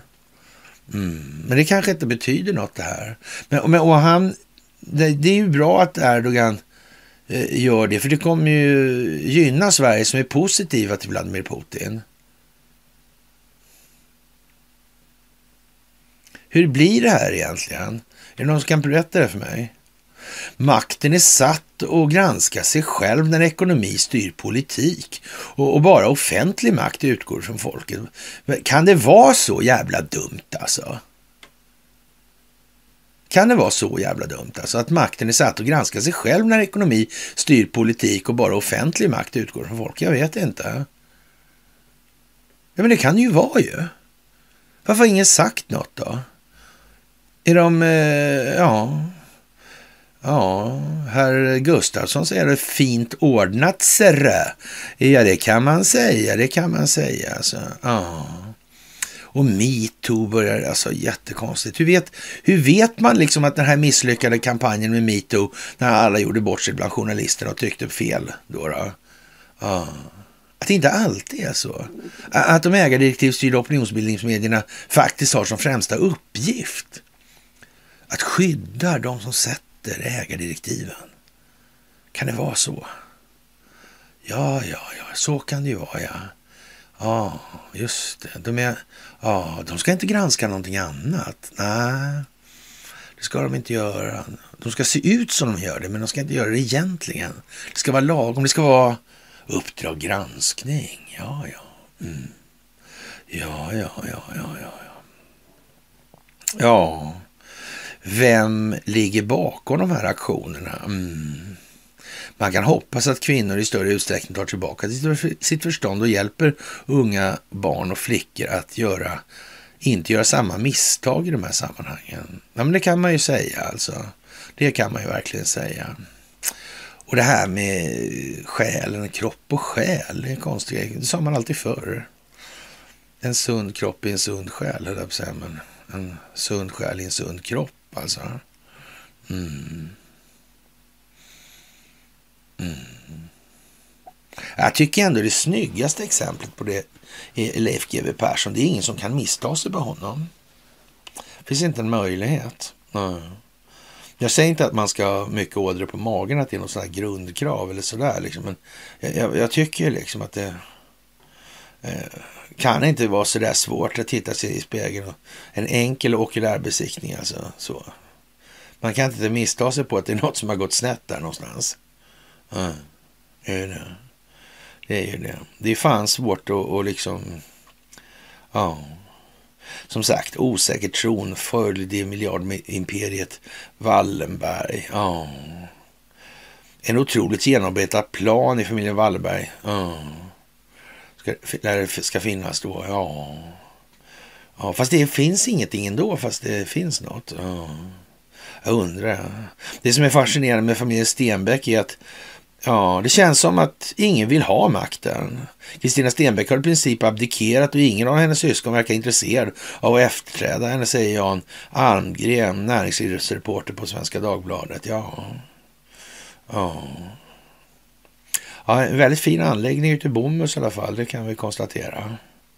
Ja, det är en bra grej. Mm. Det är det. Mm. Och Wagnerchefen Prigozjin där har fått konkurrens, Trollkungen och, och den misstänkta gärningsmannen Sergej Aksianov har startat en, e, startat en egen primat, privatarmé som tagits in i Kremls värme. Ja. Jaha, nu ska eh, kåkfararna... Ja, nu ska man tömma kåkarna ordentligt alltså. Ja. Jag vet inte. Det kan ju vara praktiskt. Och den här kurdiska räven alltså. Vilken filur alltså. Rävarna man mera bakom öronen tar, sa väl Karl Gerhard någon gång. Ja. Just det, ja. Mm, Guldregn över stan, var det inte det? Jag tror det. Ja. Den kurdiska räven, den djupa statens våta dröm som gick upp i rök. Tänk, kan det vara så jävligt alltså? För kriminalvården tappar ju bort honom mer eller mindre. Det är en miss, han fick åka. Oj. Kanske, man, kanske var det det det handlade om. Alltså. Att kartlägga underrättelsetjänsternas och polisens infiltration. Tänk om det kan vara så här. Att eh, om vi tar till exempel eh, de här figurerna som figurerar i sammanhanget kring Peter Rätts och det här. Det här som han Dick uh, Malmlund då? Något sånt. Nej, eller ja. Ja, men hur som helst, det inte så. Men eh, vi, vi, ja, det finns ju en deckarförfattare i de här sammanhangen och det handlar om hanterare då, då sådär, men de här eh, figurerna då, då, mm, ja, som herr Åström till exempel. Mm. Man, man må, måste ju ställa frågan lite grann så här då. då. Hur, hur fan kommer det sig att de, de tror då att när någon dyker upp på det där sättet och så har man varit med då i det här med kriminalunderlicensen själv då och så, och, och så vidare.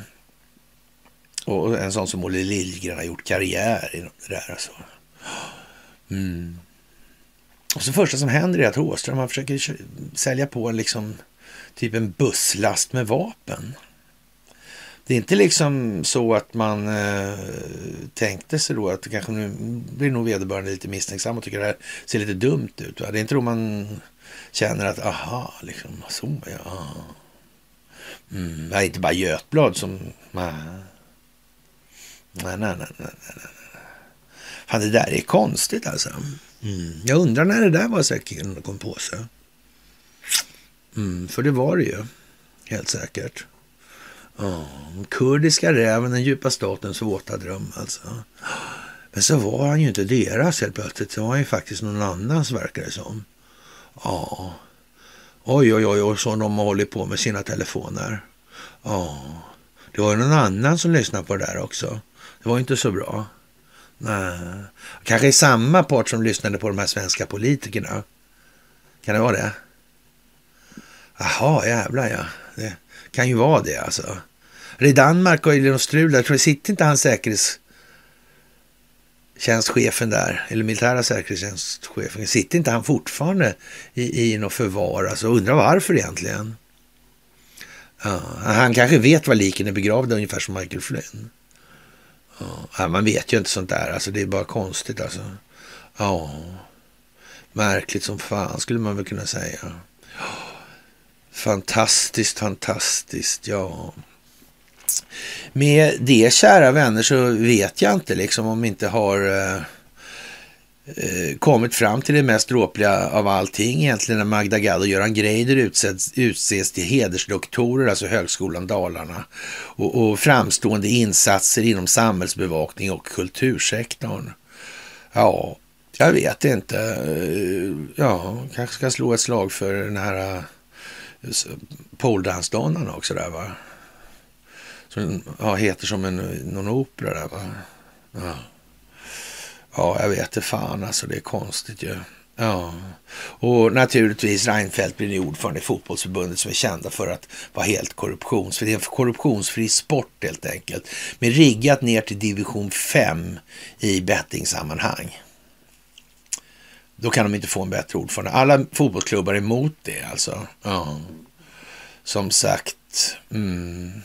det, det, där är bara som det är nu alltså. Och räddare av det kalla kriget och Wallenbergs naziaffärer, ny belysning i Dagens Nyheter. Den, där finns på bloggen. Jag föreslår att ni läser igenom det där. Det går liksom inte att missa vad det här är, det här med naziguldet. Och den finns också i Stats offentliga utredning 1999, 1999 20. Med det, kära vänner, tror jag att vi får ge oss för dagen. Och det är väl ingen, så att säga, nu hörs vi när vi hörs, dock senast på onsdag, så får jag till att önska er en fantastiskt trevlig måndag eftermiddag och kväll. Senast onsdag så syns vi. Hej!